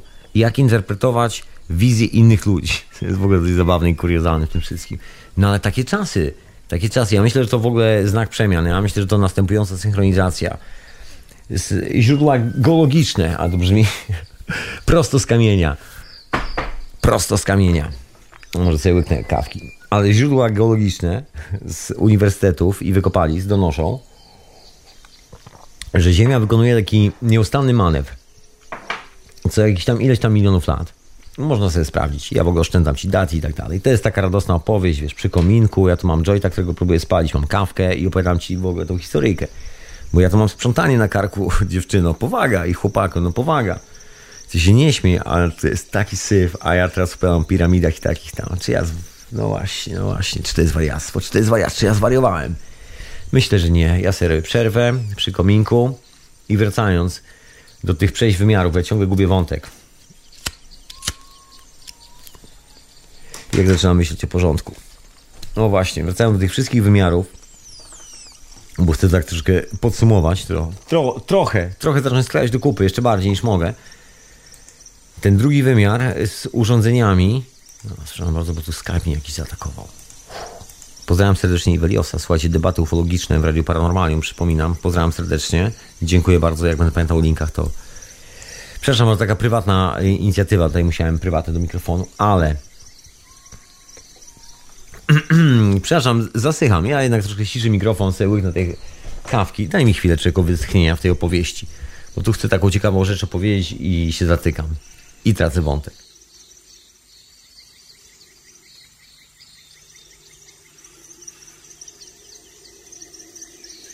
No, no, no. No już jestem. Już się odetkałem kawką. Doskonała kawka. Tym razem y, wycieczka do słonecznej Italii. Wirtualna oczywiście. A może i w całości. Ale wracając do tych dwóch wymiarów.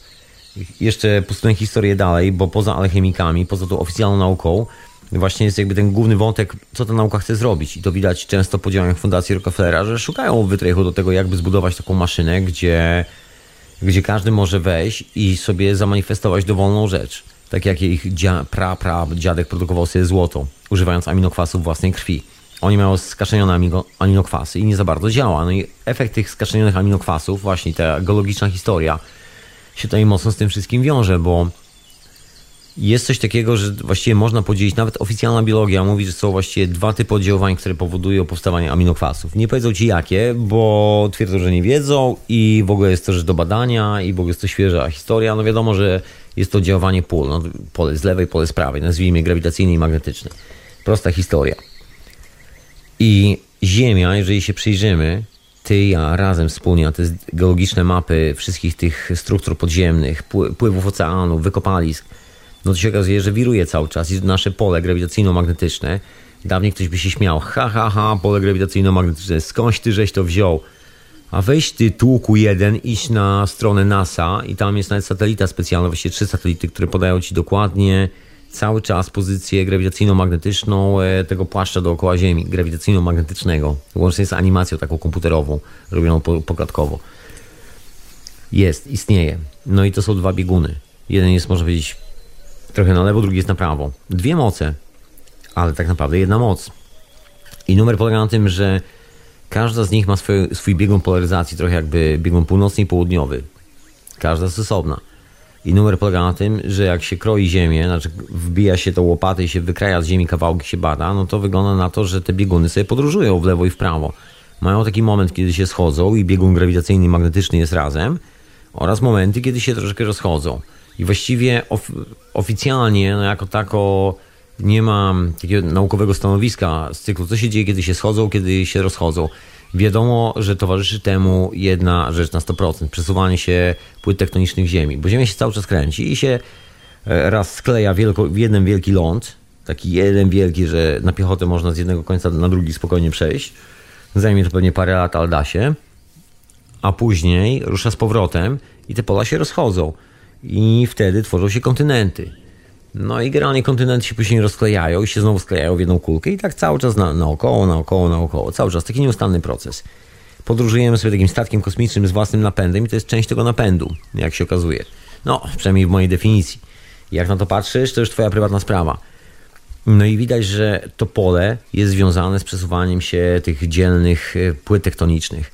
No i to pole oddziałuje na zwierzaki, na wszystko. Oczywiście oficjalnie nie ma stanowiska naukowego, ale w wykopaliskach archeologicznych widać na przykład zmianę, właściw, zmianę klimatu Ziemi. Zmiana naszych biegunów grawitacyjnych równa się zmianie klimatu. Zmiana klimatu równa się zmianie zawartości tzw. Tak tkanki roślinnej organicznej na planecie. Zmiana tkanki roślinnej na planecie równa się zmiana aminokwasów występujących na tej planecie. No i tutaj jajko jest tej ziemi, bo okazuje się, że taki samobójczy numer wykonujemy korzystając z ropy, bo ropa, co jak co, czym jest ropa? To jest po prostu zbiór ciężkich aminokwasów, które zamieniły się w strukturę oleistą. Jeżeli bierzesz to pod mikroskop, w ogóle sprawdź sobie, co to jest ropa. To są po prostu ciężkie aminokwasy. Haha, tajemnica. Można powiedzieć, że lekkie aminokwasy separują w chmury. To są chmury, to są lekkie aminokwasy. Wszystkiego. Roślin, zwierząt, przede wszystkim nas żywych istot, to są właśnie chmury. No i te aminokwasy się skraplają i się, że tak powiem, przefiltrowują przez planetę Ziemia i tworzą sobie taki backup na dole. Na górze masz chmurkę, a na dole masz pod, pod nogami masz zbiornik z ropą. No i każdy z tych zbiorników jest dokładnie tymi samymi aminokwasami, tylko że jedne są lekkie, a drugie są ciężkie.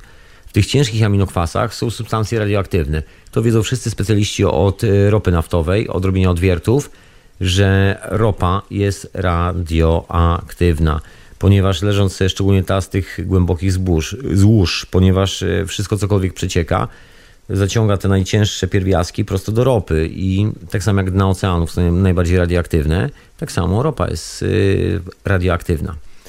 Można sobie sprawdzić zresztą, poczytać na ten temat, zrobić doświadczenia naukowe, nie jest to żadna specjalna tajemnica.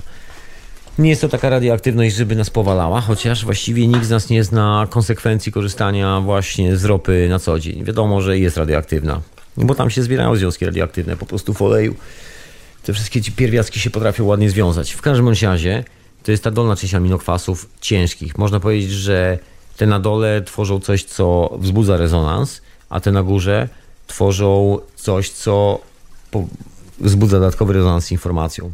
Jedno i drugie a my oraz cała roślinność, to, że sobie żyjemy na planecie, oddychamy, to właśnie dzięki temu, że mamy taką poduszkę aerodynamiczną na statku kosmicznym zwanym Planeta Ziemia, złożoną z aminokwasów w postaci ropy i wszystkich tych tkanek organicznych odłożonych gdzieś tam w naszej skrupie ziemskiej, no i aminokwasów, które sobie latają nad, nad nami, które są ładnie opakowane w pola grawitacyjno-magnetyczne, które to wszystko elegancko utrzymują w kupie a w kupie jest utrzymywany za pomocą jeszcze innych planet pozostałych oddziaływań grawitacyjnych, no. Prawda, że proste? No i doszliśmy do takiego momentu, że właściwie wyciągamy część naszych aminokwasów i zachowujemy się jak e, taki szalony krewny, który zwariował przed na obiad do rodziny. Cześć, cześć. Na rodzinie siedzi 10 osób przy stole i tak do siebie. To wujek Czesiu, on jest taki troszeczkę dziwny. Mieszkał długo w, w, w bunkrze takim poatomowym. Dziwny wujek. A wujek Czesiu siedzi. Podaje już sztućce do stołu, wjeżdża jedzenie, a wujek Czesiu i odkraja sobie nogę, zjada nogę na stole ku przerażeniu rodziny. Tak właściwie się zachowujemy. Po prostu ktoś z nas jest tutaj wujkiem Czesiem, który sobie odgryzę sam nogę. Właściwie my sami jesteśmy takim wujkiem Czesiem, używając między innymi produktów z ropy i wrzucając te ciężkie aminokwasy spalanej ropy, nawet jak one są doskonale przefiltrowane, to zostaje informacja o tym. I to jest właśnie największy numer, że my operujemy w polach. I to jest coś, o co się obija bardzo poważnie fizyka eksperymentalna. Była coś takiego jak fizyka kwantowa. Nagle okazało się, że chłopcy się mocno rozjechali, bo takie zjawisko właściwie to, to żadne zjawisko, to nie, nie ma czegoś takiego. To jest taka próba ratowania teorii Einsteina, jak się okazało. I z biologii, i z chemii, i z kilku innych e, dziedzin wyskakują takie nowaliki, że się w głowie nie mieści. Że właśnie aminokwasy na przykład utrzymują pola grawitacyjno-magnetyczne, tworzą w ogóle pola, takie sekwencyjne pola, w których powstaje, wiesz, życie, zwyczajnie rzecz ujmując. No bo co to jest? Kawałek aminokwasów, pamiętasz taki film Życie się, życie powstawało na planecie Ziemia, animowany, że piorun walnął i powstał aminokwas od kawałku prądu elektrycznego. No właśnie się okazuje, że aminokwas od prądu to tak nie za bardzo, ale od pola, które wywołuje ten prąd. Ta, tam, dlatego radiacja działa i aminokwasy się na przykład rozsypują, kiedy jest wysokie pole radioaktywne. No i właśnie to jest ten numer, ten cały mindfuck z używaniem ropy, że nikt o tym nie mówi i nie chce powiedzieć, bo nauka doszła do takiego miejsca, że czegokolwiek się nie dotknie, to powie wow, człowieku, ma na ciebie słaby news, ale usiądź, bo naprawdę będzie słabo. Ty siadasz, a mówi, wiesz co, nie pozostało mi nic innego, jak powiedzieć ci, że właśnie y, kiedy spałeś, zżaliśmy twoją nerkę, moją zżarłeś wczoraj i nie wiedziałeś o tym, ale po prostu kiedy każdy z nas zasypia, to podjadamy sobie wnętrzności. Po prostu zjadamy się nawzajem, bo jesteśmy kanibalami. Przypomina taki stary film z lat 90. o nazwie Delikatesen. Polecam sobie obejrzeć, doskonały film. Się okazało, że kulturowo, cywilizacyjnie doszliśmy do właśnie takiego poziomu delikatesen. No właśnie za pomocą tych aminokwasów.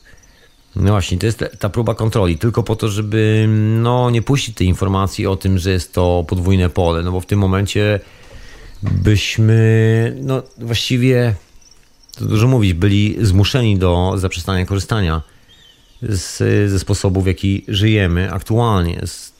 Musielibyśmy dosyć mocno przewartościować wiele aspektów naszego życia, co nie jest wielu z nas po drodze, absolutnie, gdzieś z boku, bo w sumie fajnie jest czasami przepalić trochę ropy albo zrobić jakieś takie historie, które są bardzo grawitacyjne dla niektórych z nas. No i to jest ta część rzeczywistości, która jest związana właśnie z tym czymś, co odchodzi, z tym starym polem grawitacyjnym, bo oprócz tego, że być może część z nas by chciała, to wygląda na to, że Ziemia właśnie wraca do tego oryginalnego ustawienia, gdzie pole grawitacyjne z magnetycznym schodzi się razem.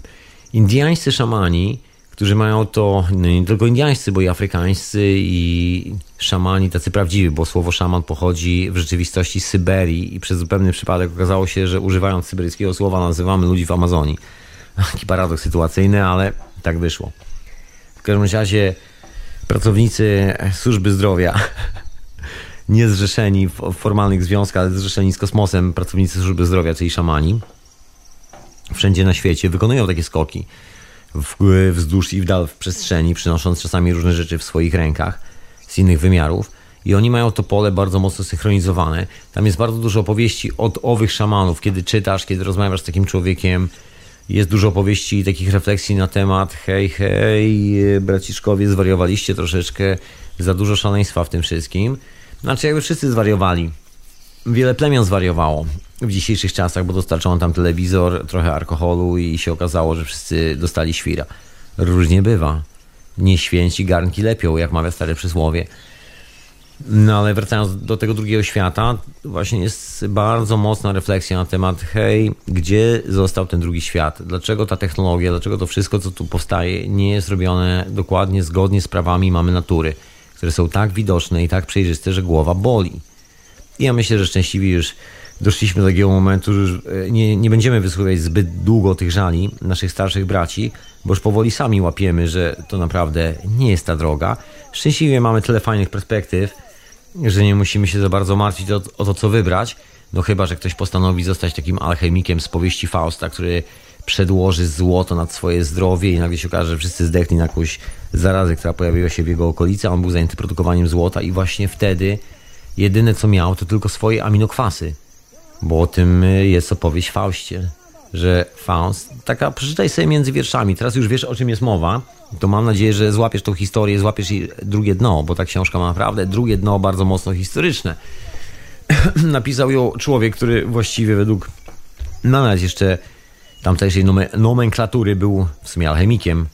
Goethe, naukowiec, 30 lat w laboratorium, robiąc non-stop eksperymenty. No ale szczęśliwie był to jeszcze też element rock'n'rolla w życiu Goethego. Nie zapomnijmy o tym, że jak się zaręczył z dziewczyną, to wyskoczył nad ranem z okna i w ciągu jednej nocy uciekł z miasta, żeby nie było konsekwencji tych zaręczyn. Nie, wie, się wie.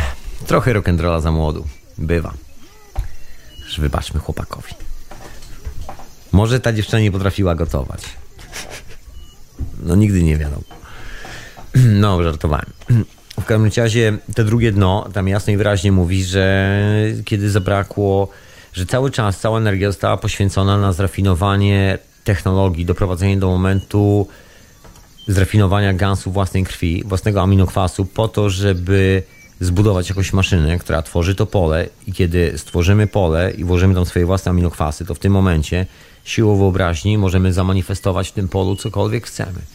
To jest ta alchemiczna, magiczna legenda, no i też w ogóle taki zakazany owoc alchemii, to co ja ci tutaj mówię, to jest największa tajemnica szkół hermetycznych związanych z alchemią, łącznie z różokrzyżowcami, łącznie z masonami, stąd są ich obrzędy związane z krwią, upuszczanie sobie rytualne krwi itd., tak itd. Tak to jest próba zabawy aminokwasami żeby później posmarować coś tymi aminokwasami i mieć na tym y, kontrolę od strony emocjonalnej. No bo technologia jest znana od tysięcy lat. To nie jest żadna tajemnica. Ale szczęśliwie jest też inna, inne oblicze tej technologii, ponieważ w rzeczywistości się okazało, że w tym alchemicznym świecie połowa wiedzy zniknęła i dżentelmeni zapomnieli o tym, że jest to broń obusieczna, bo ta część technologii, która zniknęła, pojawiła się dopiero teraz y, z, razem z fizyką jądrową i tak dalej, i tak dalej. Chodzi o drugą część tego pola, bo dawniej nawet w alchemii właściwie zauważano tylko jedną. Niektórzy z alchemików zauważali drugą. Ci, tak jak właśnie Rothschildowie z opowieści Goethego, y, wyprodukowali tylko i wyłącznie złoto i właściwie poświęcili swoje aminokwasy tylko i wyłącznie do robienia materii. Nie chcieli wyprodukować leków, nie chcieli puścić tej technologii dalej, bo żeby wyprodukować lek, musisz otworzyć technologię na aminokwasy swoich wszystkich sąsiadów i swoich wszystkich ludzi. Musisz zebrać jak najwięcej aminokwasów. Na tym polega sztuczka. Wtedy masz recepturę na lek. No ale kiedy zbierzesz dużo aminokwasów, to może być tak, że twoje urządzenie oddziałuje na innych i nie jesteś już jedynym człowiekiem, który może robić złoto, bo może się okazać, że informacja po aminokwasach dojdzie do wszystkich tych tysięcy ludzi, którzy właśnie są objęci Twoją kwarantanną, Twoim lekarstwem, więc wybór dla chciwego człowieka jest tylko jeden. Albo robię aminokwasy swojej własnej krwi, przez 7 lat kolekcjonuję, żyję jak asceta, bo na tym to polega. Trzeba, no, trzeba prowadzić bardzo ascetyczne życie, odpowiednio przygotować samego siebie emocjonalnie, bo te aminokwasy zawierają, jak mówi legenda, no właśnie czy to jest legenda, się dowiemy niedługo, sygnaturę naszych emocji, naszych stanów emocjonalnych, czyli alchemik nie może być mówiąc nieelegancko, wkurwion na cokolwiek, kiedy robi złoto. Proszę Państwa, absolutnie musi być spokojny, opanowany, nie może być problemów z tym alchemikiem, musi być ustabilizowany emocjonalnie. W starych, hermetycznych, takich zamkniętych szkołach jest y, na to tylko, właściwie są tylko dwa rozwiązania. Jedna opcja jest zakonna, że zostajesz takim zakonnikiem, taki tryb życia wybierasz, Druga opcja jest taka, że musisz mieć co najmniej piątkę albo trójkę dzieci. Trójkę, chyba piątkę bardziej, jakoś tak. I musisz skończyć czterdziestkę co najmniej, żeby, prze, żeby przejść pewien etap w swoim życiu. To jest w ogóle nawet w kabale, w judaizmie ma jest pierdolec na tym punkcie, ma wręcz obsesję na tym punkcie chorobową, Wierzą, że dokładnie po tym okresie czasu twoja sygnatura grawitacyjno-magnetyczna i ilość doświadczeń, które przeżyjesz, automatycznie ustawiają cię w pozycji, w której możesz kontrolować swoje aminokwasy emocjonalne, swoje stany emocjonalne, że już kiedy wytrzymałeś wściekłą żonę, piątkę dzieci, przyorało cię życie od lewego do prawego, rabin, rabin powiedział, że się nadajesz. I w tym momencie uff, nabierasz takiej wiary w siebie i zaczyna to powoli działać jako narzędzie. To taka tajemnica. Troszeczkę poliszynela. W wielu religiach występuje taki numer. W wielu religiach na przykład kwestia no właśnie ofiarnego biczowania się i tak dalej, i tak dalej. Wszystkie te historie związane właśnie z aminokwasami. No właśnie, to teraz tajemnica jest odkryta. Nawet w biologii już wiadomo, w dzisiaj oficjalnie. Także opcje były proste. Albo robimy lekarstwa i wszyscy się rozwijamy, się uczymy i każdy robi sobie lekarstwo i nie ma opcji, że przyjdzie zaraza, albo nie robimy lekarstwa, tylko robimy złoto, z którego robimy nową religię. Zabawne, sam nie uwierzysz, ale Rothschildowie stracili praktycznie prawie całą rodzinę podczas zarazy, bo dokładnie wtedy, kiedy produkowali tony złota, dokładnie dziadek tam, ojciec rodu produkował złoto i uczył następne pokolenie jak to robić, uczył ich od dziecka jak zbierać aminokwasy, całej tej alchemicznej procedury, to co się okazało? Okazało się, że przyszła zaraza i jego córka zmarła, część jego synów zmarła. Nie wytrzymali, nie przeżyli. To taki ząg troszeczkę sytuacyjny, że masz technologię, która daje no, niesamowite możliwości, a kończysz jak ostatni wariat. Jedne co ci zostaje to złoto. Ale czym jest ta technologia? Ta technologia jest właśnie próbą przejścia do innego wymiaru. Jak widać, ciągle, nieustannie, to jest, to jest, może być moja obsesja. I ja twierdzę, że ta cywilizacja, jeżeli nazywasz to cywilizacją, to jest nic innego jak taki stan ciemnoty, permanentnej ciemnoty, która próbuje wmówić nam wszystkim. W pewnym momencie sami zaczynamy sobie wmawiać, że nie ma tej drugiej rzeczywistości, że jest tylko jedna i w tym momencie tracimy kontakt z tą całą wiedzą i wtedy taki przysłowiowy Rothschild, który produkuje złoto albo cokolwiek innego, frajer, który produkuje karabin albo ma technologię, której nie kumamy, jest w stanie przejąć część kontroli nad naszym życiem. A okazuje się, że kiedy przejdziemy za tą tajemniczą granicę, dowiadujemy się takich rzeczy, że właściwie wszystkie te cwaniaki tracą centralnie kontrolę nad naszym życiem. I to jest ta jedna zagadka tego drugiego świata, że kiedy tam przejdziemy, to znika kontrola, pojawia się informacja, pojawia się partnership z angielskiego, czyli współpraca, a nie rywalizacja. To jest ciekawy numer, ciekawy. Właśnie, to ja się zastanawiam, zastanawiam czy to naprawdę nie trudno tak zauważyć, że ktoś poskuwał gigantyczną ilość fresków z tych piramid, że były tam stare freski, których już nie ma. W Europie to samo, że nieustannie niszczono cywilizację, nieust- znaczy jakiekolwiek pamiątki historyczne, które właśnie co one pokazywały. Dlaczego te skute twarzy, dlaczego te skute e, gesty rękami, dlaczego zostały tylko sylwetki. Co tym ludziom przeszkadzało? Nic. Co tam było? Była jakaś informacja. Ale jaka informacja? No i to jest dobre pytanie. A ja tymczasem, ja tymczasem e, włączę tutaj jakąś muzyczkę, żeby nie było. Bardzo fajną muzyczkę.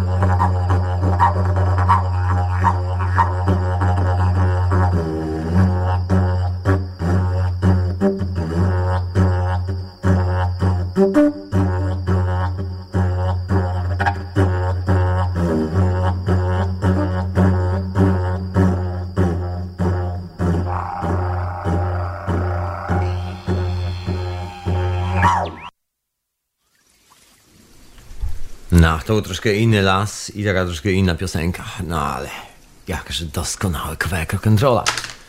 Prosto od starszych braci.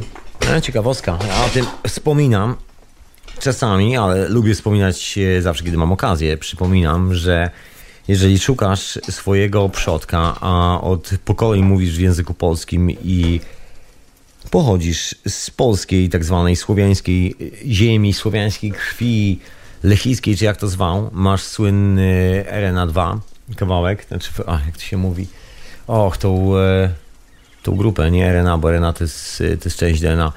Anyway, masz ten kawałek kodu genetycznego specyficzny dla wszystkich Słowian, to wiesz, to jest twoim prawdziwym pra, pradziadkiem, kto jest twoim dziadkiem w ogóle, może w ten sposób, kto jest i moim dziadkiem, to jest dokładnie gentleman, który mieszka sobie w Australii, aborygen. To jest nasz dziadek.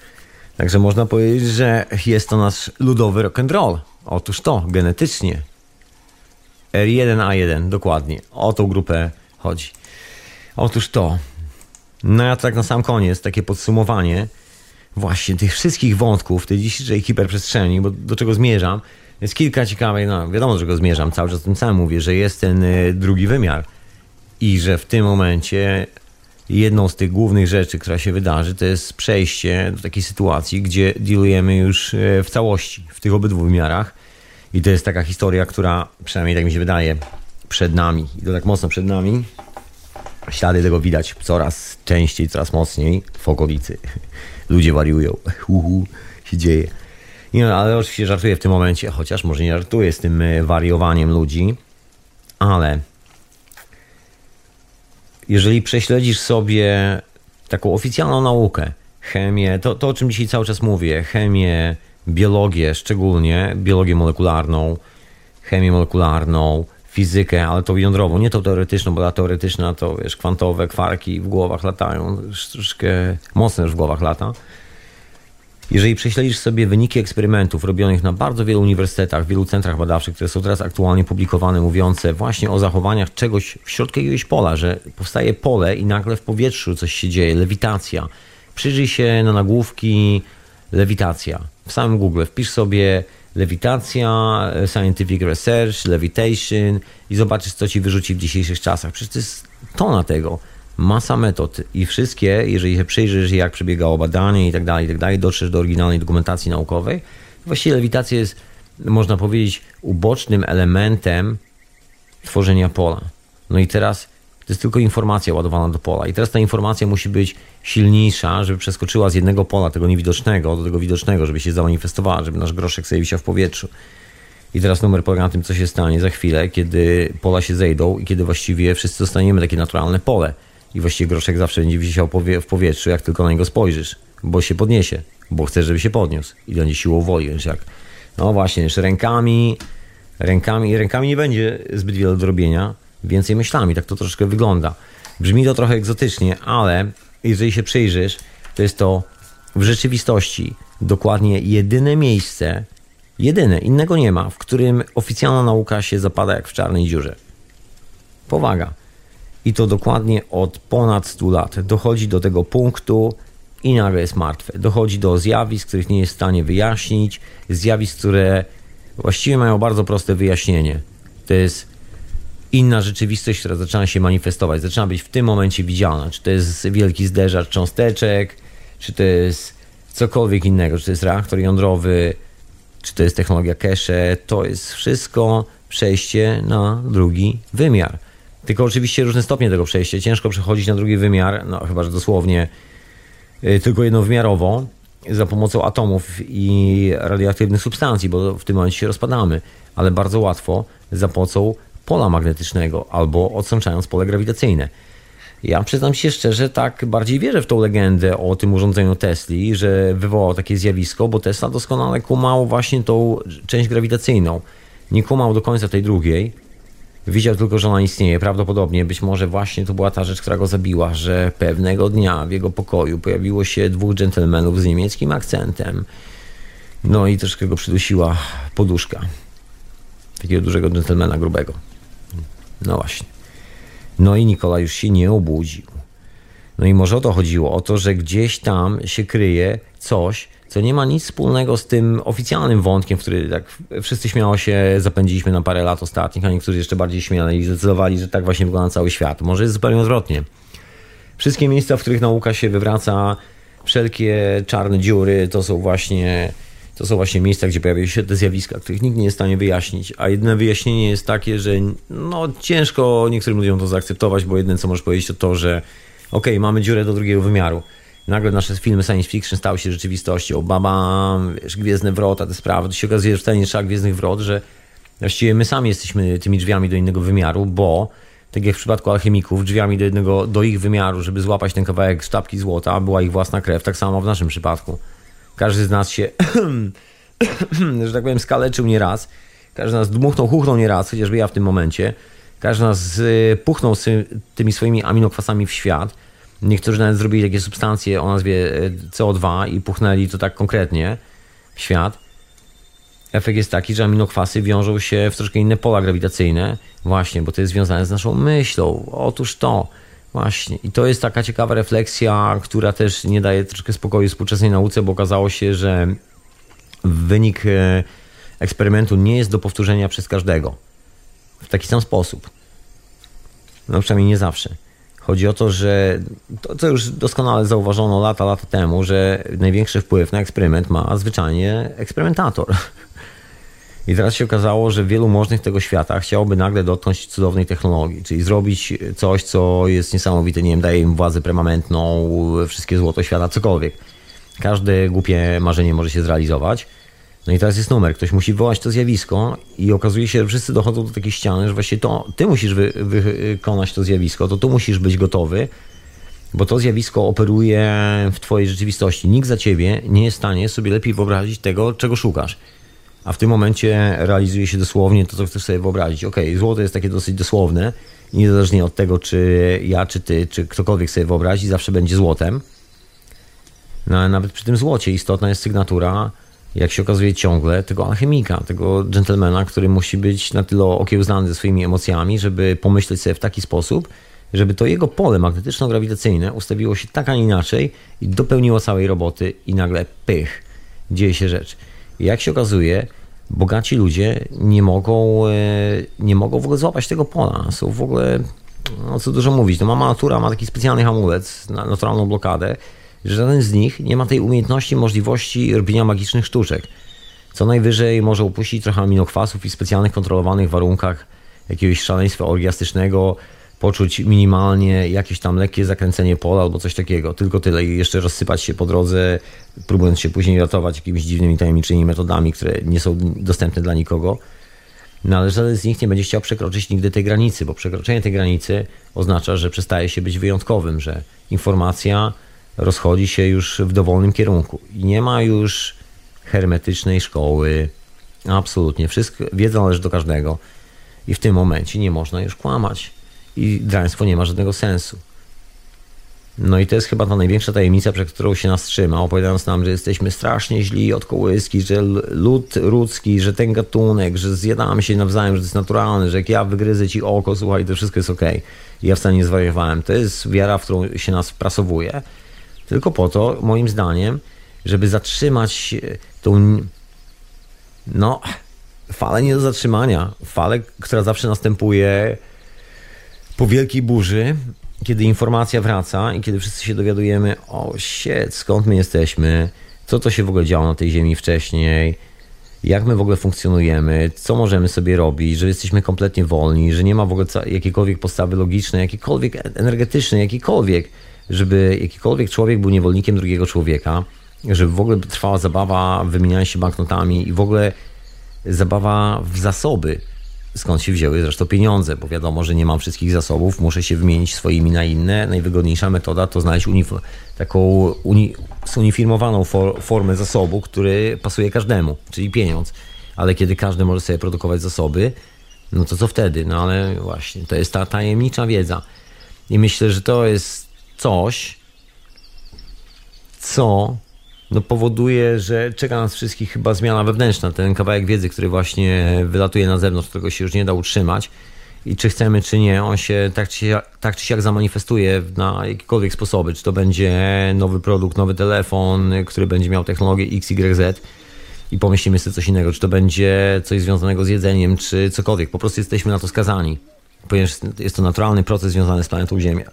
Po prostu pewnego dnia wszystkie kontynenty się z powrotem schodzą, aby znowu ruszyć sobie w kosmiczną podróż, bo jest to napęd statku kosmicznego. I gdyby spojrzeć na to wszystko z tej perspektywy, to co tu mówić człowieku, jesteśmy chyba w idealnym momencie historii. Lepiej chyba nie było na tej planecie od setek tysięcy lat. No może od setek tysięcy lat nie, no ale od 6, od 6 tysięcy lat, kiedy zdołowani przodkowie złapali za flaszkę i zapomnieli o naturalnej medycynie, która utrzymuje nam e, informacje o tym, że świat nie składa się tylko z tego, co widzimy i możemy dotknąć tutaj, że są rzeczy, których dotykamy jako czysta informacja i potrafimy sobie przynieść z tego wymiaru i że właśnie jako nauka się wybieramy w ten wymiar, no bo czym jest właśnie przynoszenie tych materiałów dziwnych, które się pojawiają podczas tych dziwnych eksperymentów. Ja dzisiaj dużo mówiłem o złocie, o manifestowaniu się złota, to troszkę jak brzmi alchemicznie, że ciężko to przyłożyć do rzeczywistości, bo wiadomo, że nikt z nas w tym momencie, przynajmniej ja tego nie robię, może ty to robisz, nie robi złota,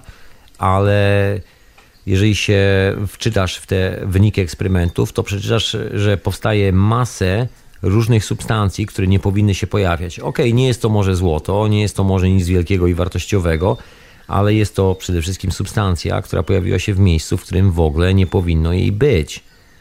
No i teraz jest pytanie, co my widzieliśmy na temat tej substancji? Się okazuje, że nic. że tworzą ją warunki. I się okazuje, że tym warunkiem jesteśmy my, są nasze aminokwasy, które powstają z kombinacji naszych pól emocjonalnych, bo stąd się to bierze. Nasza emocja to jest część pola grawitacyjnego i magnetycznego. Jak sobie pomyślę w lewo, no to będzie taki aminokwas, jak pomyślę w prawo, to taki. Kojarzysz eksperymenty pana Masaru Emoto? Jest instytut, który robi zdjęcia według jego technologii, od jego nazwiska zresztą i dalej zajmuje się badaniem wody. I tam są robione różne zdjęcia. Jest zdjęcie wody, kiedy człowiek się boi, jest zdjęcie wody, kiedy człowiek się nie boi. I widać, że są zupełnie inne sygnatury tych, tych patternów, zupełnie inne kryształy powstają wtedy na lodzie. No a skoro powstają zupełnie inne kryształy, no to jak mówi współczesna nauka, oznacza, że dookoła jest inne pole. I te, skoro ta informacja się zapamiętuje w wodzie, to tak bardzo wyraźnie, to znaczy, że ona jest cały czas dookoła nas. I w tym momencie ta tam lekka, le, lekka taka ożywiająca kąpiel lodowatej wodzie, co my robimy spalając ropę? Przecież to są nasze aminokwasy. To jest troszeczkę tak, jakbym sobie właśnie teraz wziął piłę i odcinał nogi na żywca. Przecież za chwilę nie będę miał tej, e, tej grupy, nie wiem, pól grawitacyjno-magnetycznych, która utrzymuje mnie na powierzchni tej planety. I to jest miejsce, do którego szczęśliwie dotarliśmy, że powoli zaczynamy zlepiać te wszystkie wątki w jeden i zaczynamy kumać, że uch, radosną rzeczą związaną z tym światem, który jest wielowymiarowy, jest to, że wyskakujemy z tego kanibalizmu. I to jest miłe i przyjemne. Być może dla niektórych jest wstrząsem, przestanie zjadania się nawzajem, ale myślę, że dla większości jest to doskonały news, że jest to jedyna opcja wyskoczyć z kanibalizmu i że właśnie w taki oto naturalny sposób wypływamy z tej dziwnej zatoki, w której utknęliśmy na jakieś 6000 lat. Tak mi się wydaje. Zobaczymy, co się będzie dzia dalej działo z nauką.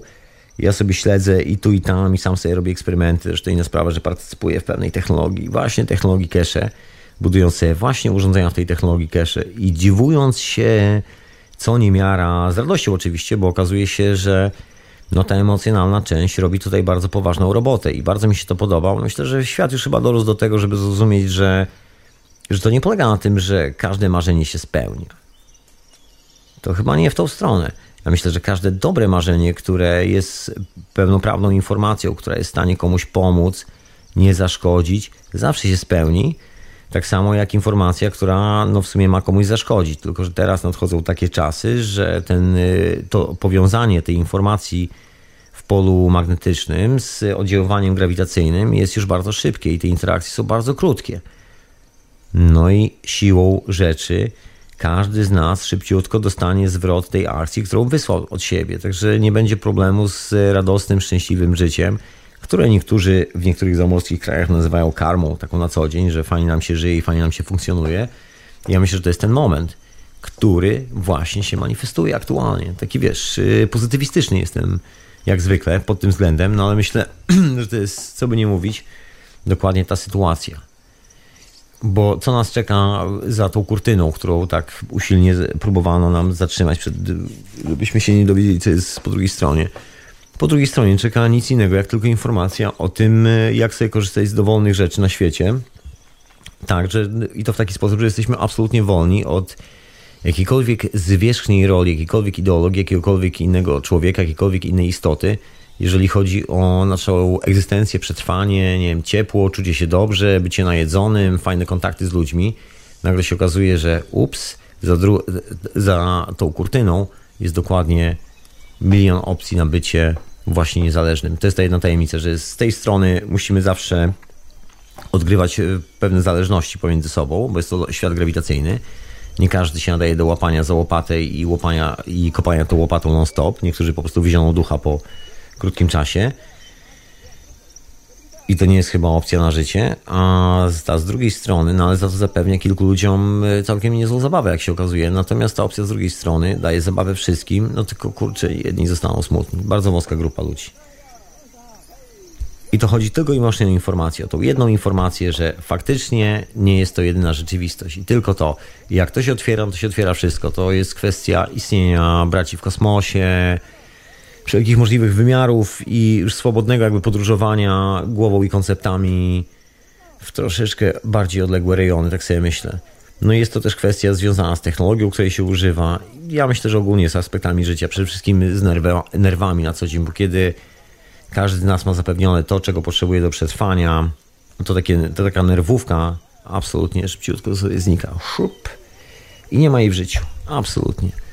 I to właściwie tyle chciałem dzisiaj powiedzieć na temat tej e, szalonej wizji, takiej przyszłości wizji, o, tym, e, o, tej, o tej zmianie troszeczkę, że to jest taka kosmiczna historia, ale na tak wielu poziomach, że to nie jest tylko kwestia, że wykopano parę kamieni, na których w kalendarzu idealnie zapisano datę dziwnego wydarzenia na niebie i akurat od jakiegoś czasu zaraz po tym wydarzeniu no troszkę inaczej się dzieje na świecie, że pojawiały się różne rzeczy, które wcześniej się nie pojawiały, że pojawiały się pewne koncepty i właściwie jak się okazuje nie jest to nic bardzo egzoty- nic aż tak egzotycznego. Jest to dokładnie to samo, co wielu ludzi zna z podróży na psylocybinie, z podróży po LSD, ayahuasce i nie tylko.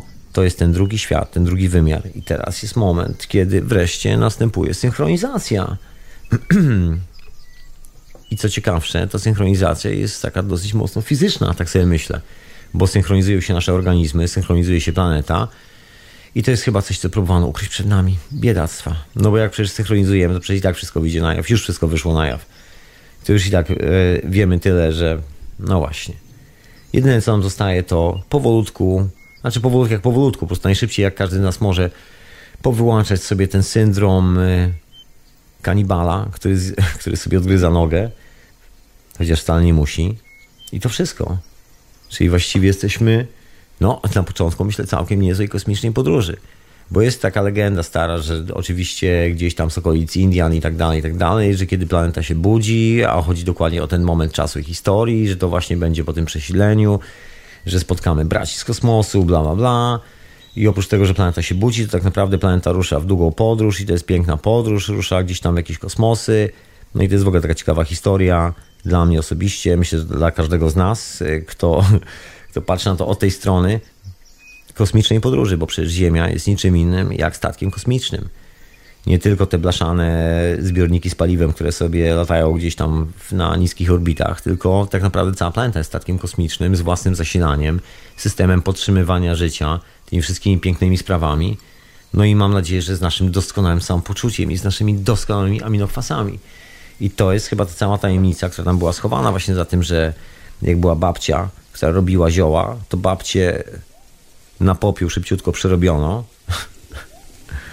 gansy, e, gansy wapna i nie tylko, ludzkie aminokwasy, takie w popiele, a alchemicy, którzy produkowali złoto, zamienili się w naukowców którzy stracili jak na ironię z powodu swojej chciwości umiejętność prostego i łatwego produkowania złota i próbują odkryć to na nowo w dzisiejszych czasach. I do czego dochodzą to do tego, że właściwie to już jest taki moment, że albo wszyscy produkujemy złoto, albo nikt. A jak się okazało, praktycznie wszyscy już możemy, bo ta wiedza wyciekła. Także skoro to możemy, to możemy pójść też w drugą stronę, troszkę inną niż dr Faust i nie zajmować się produkcją czegoś, co wyrzuca jakąś toksyczną orbitę, tylko skorzystać z tej wiedzy, przekroczyć drzwi drugiego wymiaru, połączyć wszystko, co tylko możemy i myślę, że przed nami całkiem niezła zabawa. I to jest coś, co powinniśmy przede wszystkim mieć na uwadze. Swoją własną, dobrą zabawę. Oczywiście nie krzywdząc nikogo, z miłością i pokojem człowieku, jak najbardziej. Żadnych hedonistycznych, autodestrukcyjnych odruchów. Na chillaucie relaksie. Loty w kosmos.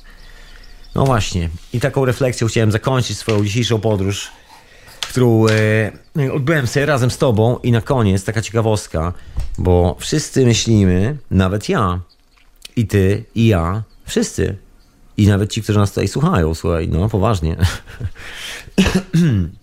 że wiemy wszystko, rzeczywistość, taki odruch. Ja myślę, mam to często, że wydaje mi się, że wiem już prawie wszystko. I są takie piękne momenty, że odkrywamy i ty i ja.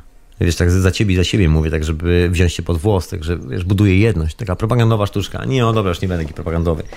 Słuchaj, zawsze człowiek się czymś zaskakuje, ja też się zaskakuję dźwiękami, na przykład na wyprawach różnych psychodelicznych, poważnie z medycyną. Dźwięki są niesamowite. I te dźwięki są bardzo znajome i czasami się wydają tak znajome, że całe życie słyszysz te dźwięki i zastanawiasz się skąd je znasz, ale nigdy ich nie słyszałeś. I ty też nie słyszałaś i pewnego dnia się okazuje, że ktoś zrobił eksperyment naukowy i się okazuje, że te dźwięki są dookoła nas, dokładnie te dźwięki. Chcesz usłyszeć, co i jak często zdarza mi się słyszeć, na przykład po jakiejś dobrej, mocnej medycynie, kiedy siedzę i się leczę i mój organizm wraca do normy i budują się połączenia neuronowe i jestem gdzieś w kosmosie swoją głową, chcesz usłyszeć jak brzmi czasami taki dźwięk, to ci puszczę, a później powiem ci co to jest.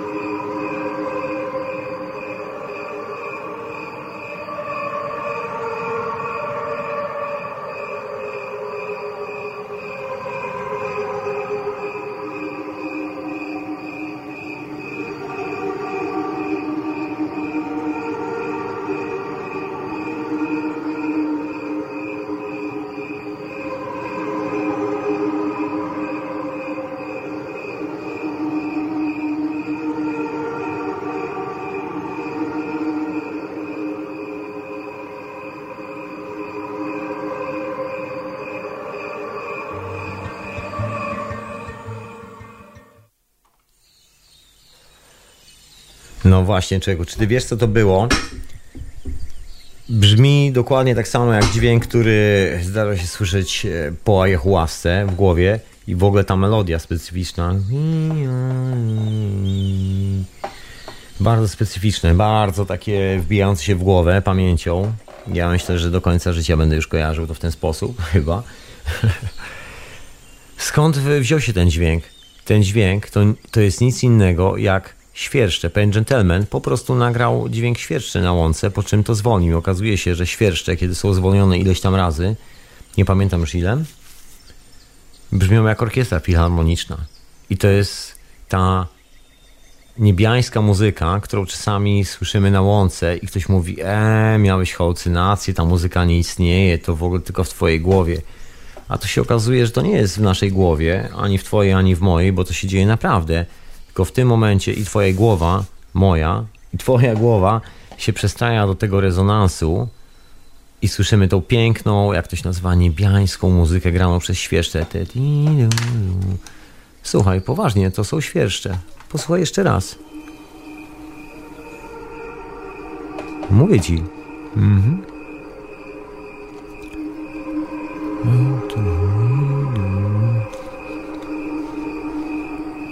Muchos gracias, muchos gracias, ayahuasca.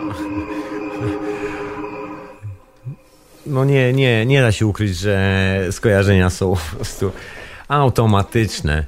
Automatyczne. I to są świerszcze, zwolnione świerszcze, które słyszymy każdego roku, zawsze na łące, latem, wieczorami. Wszystkie te owady. Nagraj sobie owady wieczorem na łące albo w lesie i zwolnij. Zobaczymy, co wtedy usłyszysz. Hu, hu, hu, może się dziać grubo. Może się okazać, że to są właśnie te niesamowite dźwięki. I teraz jest pytanie, kto tutaj ma halucynacje? Czy ci, którzy twierdzą, że świat jest jeden, rzeczywisty? Czy ja? Otóż to. No właśnie. I z tym pytaniem cię zostawiam, dziewczyno i chłopaku. Życzę ci miłego weekendu. Jutro niedziela. Właściwie dzisiaj niedziela. Niedziela. Niedziela dzisiaj. Także wyśpij się człowieku zdrowo, kolorowych snów, a jak jeszcze nie idziesz spać, zapraszam cię na wieczorową porę. Jeszcze raz dziękuję za wysłuchanie kolejnego odcinka Hiperprzestrzeni. Zapraszam do moich kolegów radiowych w środę jest książę Edward o godzinie 23 polskiego czasu i kawał dobrego rock'n'rolla i kawał dobrych opowieści. Ostatnio był reportaż z pola z grzybów, rewelacja, wypas. Ja to zazdroszczę księciowi takich reportaży. Mam tu taki lasek w okolicy i planuję się wybrać, bo przecież e, dzisiejsza audycja jest poświęcona i sponsorowana przez sezon grzybowy, co by tu dużo nie owijać w bawełnę, bo zaczął się sezon grzybowy w Polsce. Słyszałem, że pierwsze przymrozki przyszły, także grzybiarzu miły, zakładaj buty na nogi, takie, żebyś nie zmógł w tej łące. Uważaj na pałki, człowieku, żeby się nie złapały te pały. I zasuwaj po grzyby, uzupełnij spiżarnię, nigdy nie jest za dużo. Tysiąc może być, ale to naprawdę nie jest dużo. Weź człowieku, zbieraj do oporu. Zaczął się sezon i tyle. To jest najlepsza medycyna. To jest medycyna, która właśnie pozwala otworzyć drzwi pomiędzy wymiarami i skonsolidować się wewnętrznie i zewnętrznie.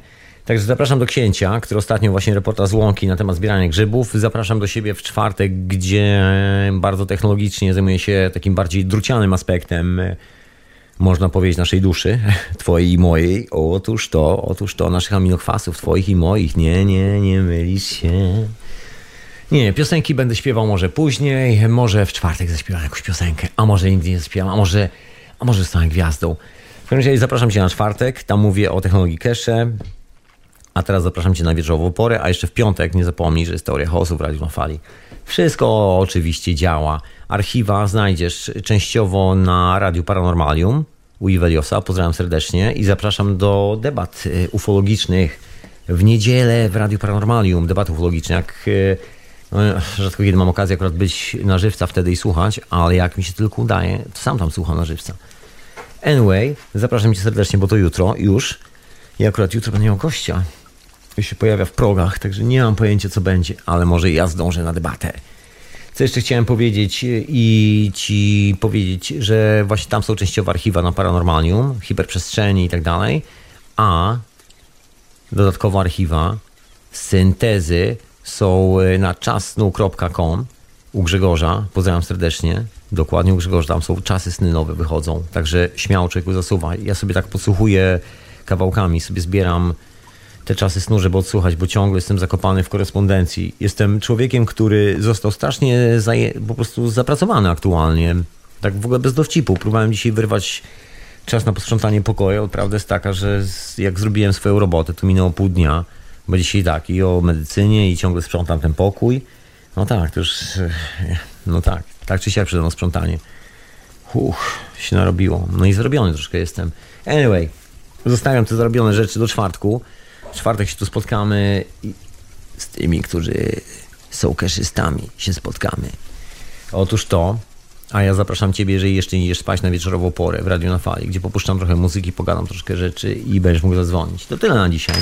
Także dzięki wielkie za obecność w Radiu na Fali, w hiperprzestrzeni. Człowieku, trzymaj się. Jeszcze wielkie dzięki za y, wspieranie radia finansowo.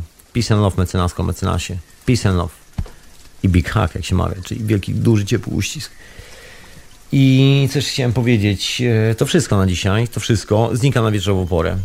Do usłyszenia następnym razem. Słuchałeś oczywiście radia na fali.com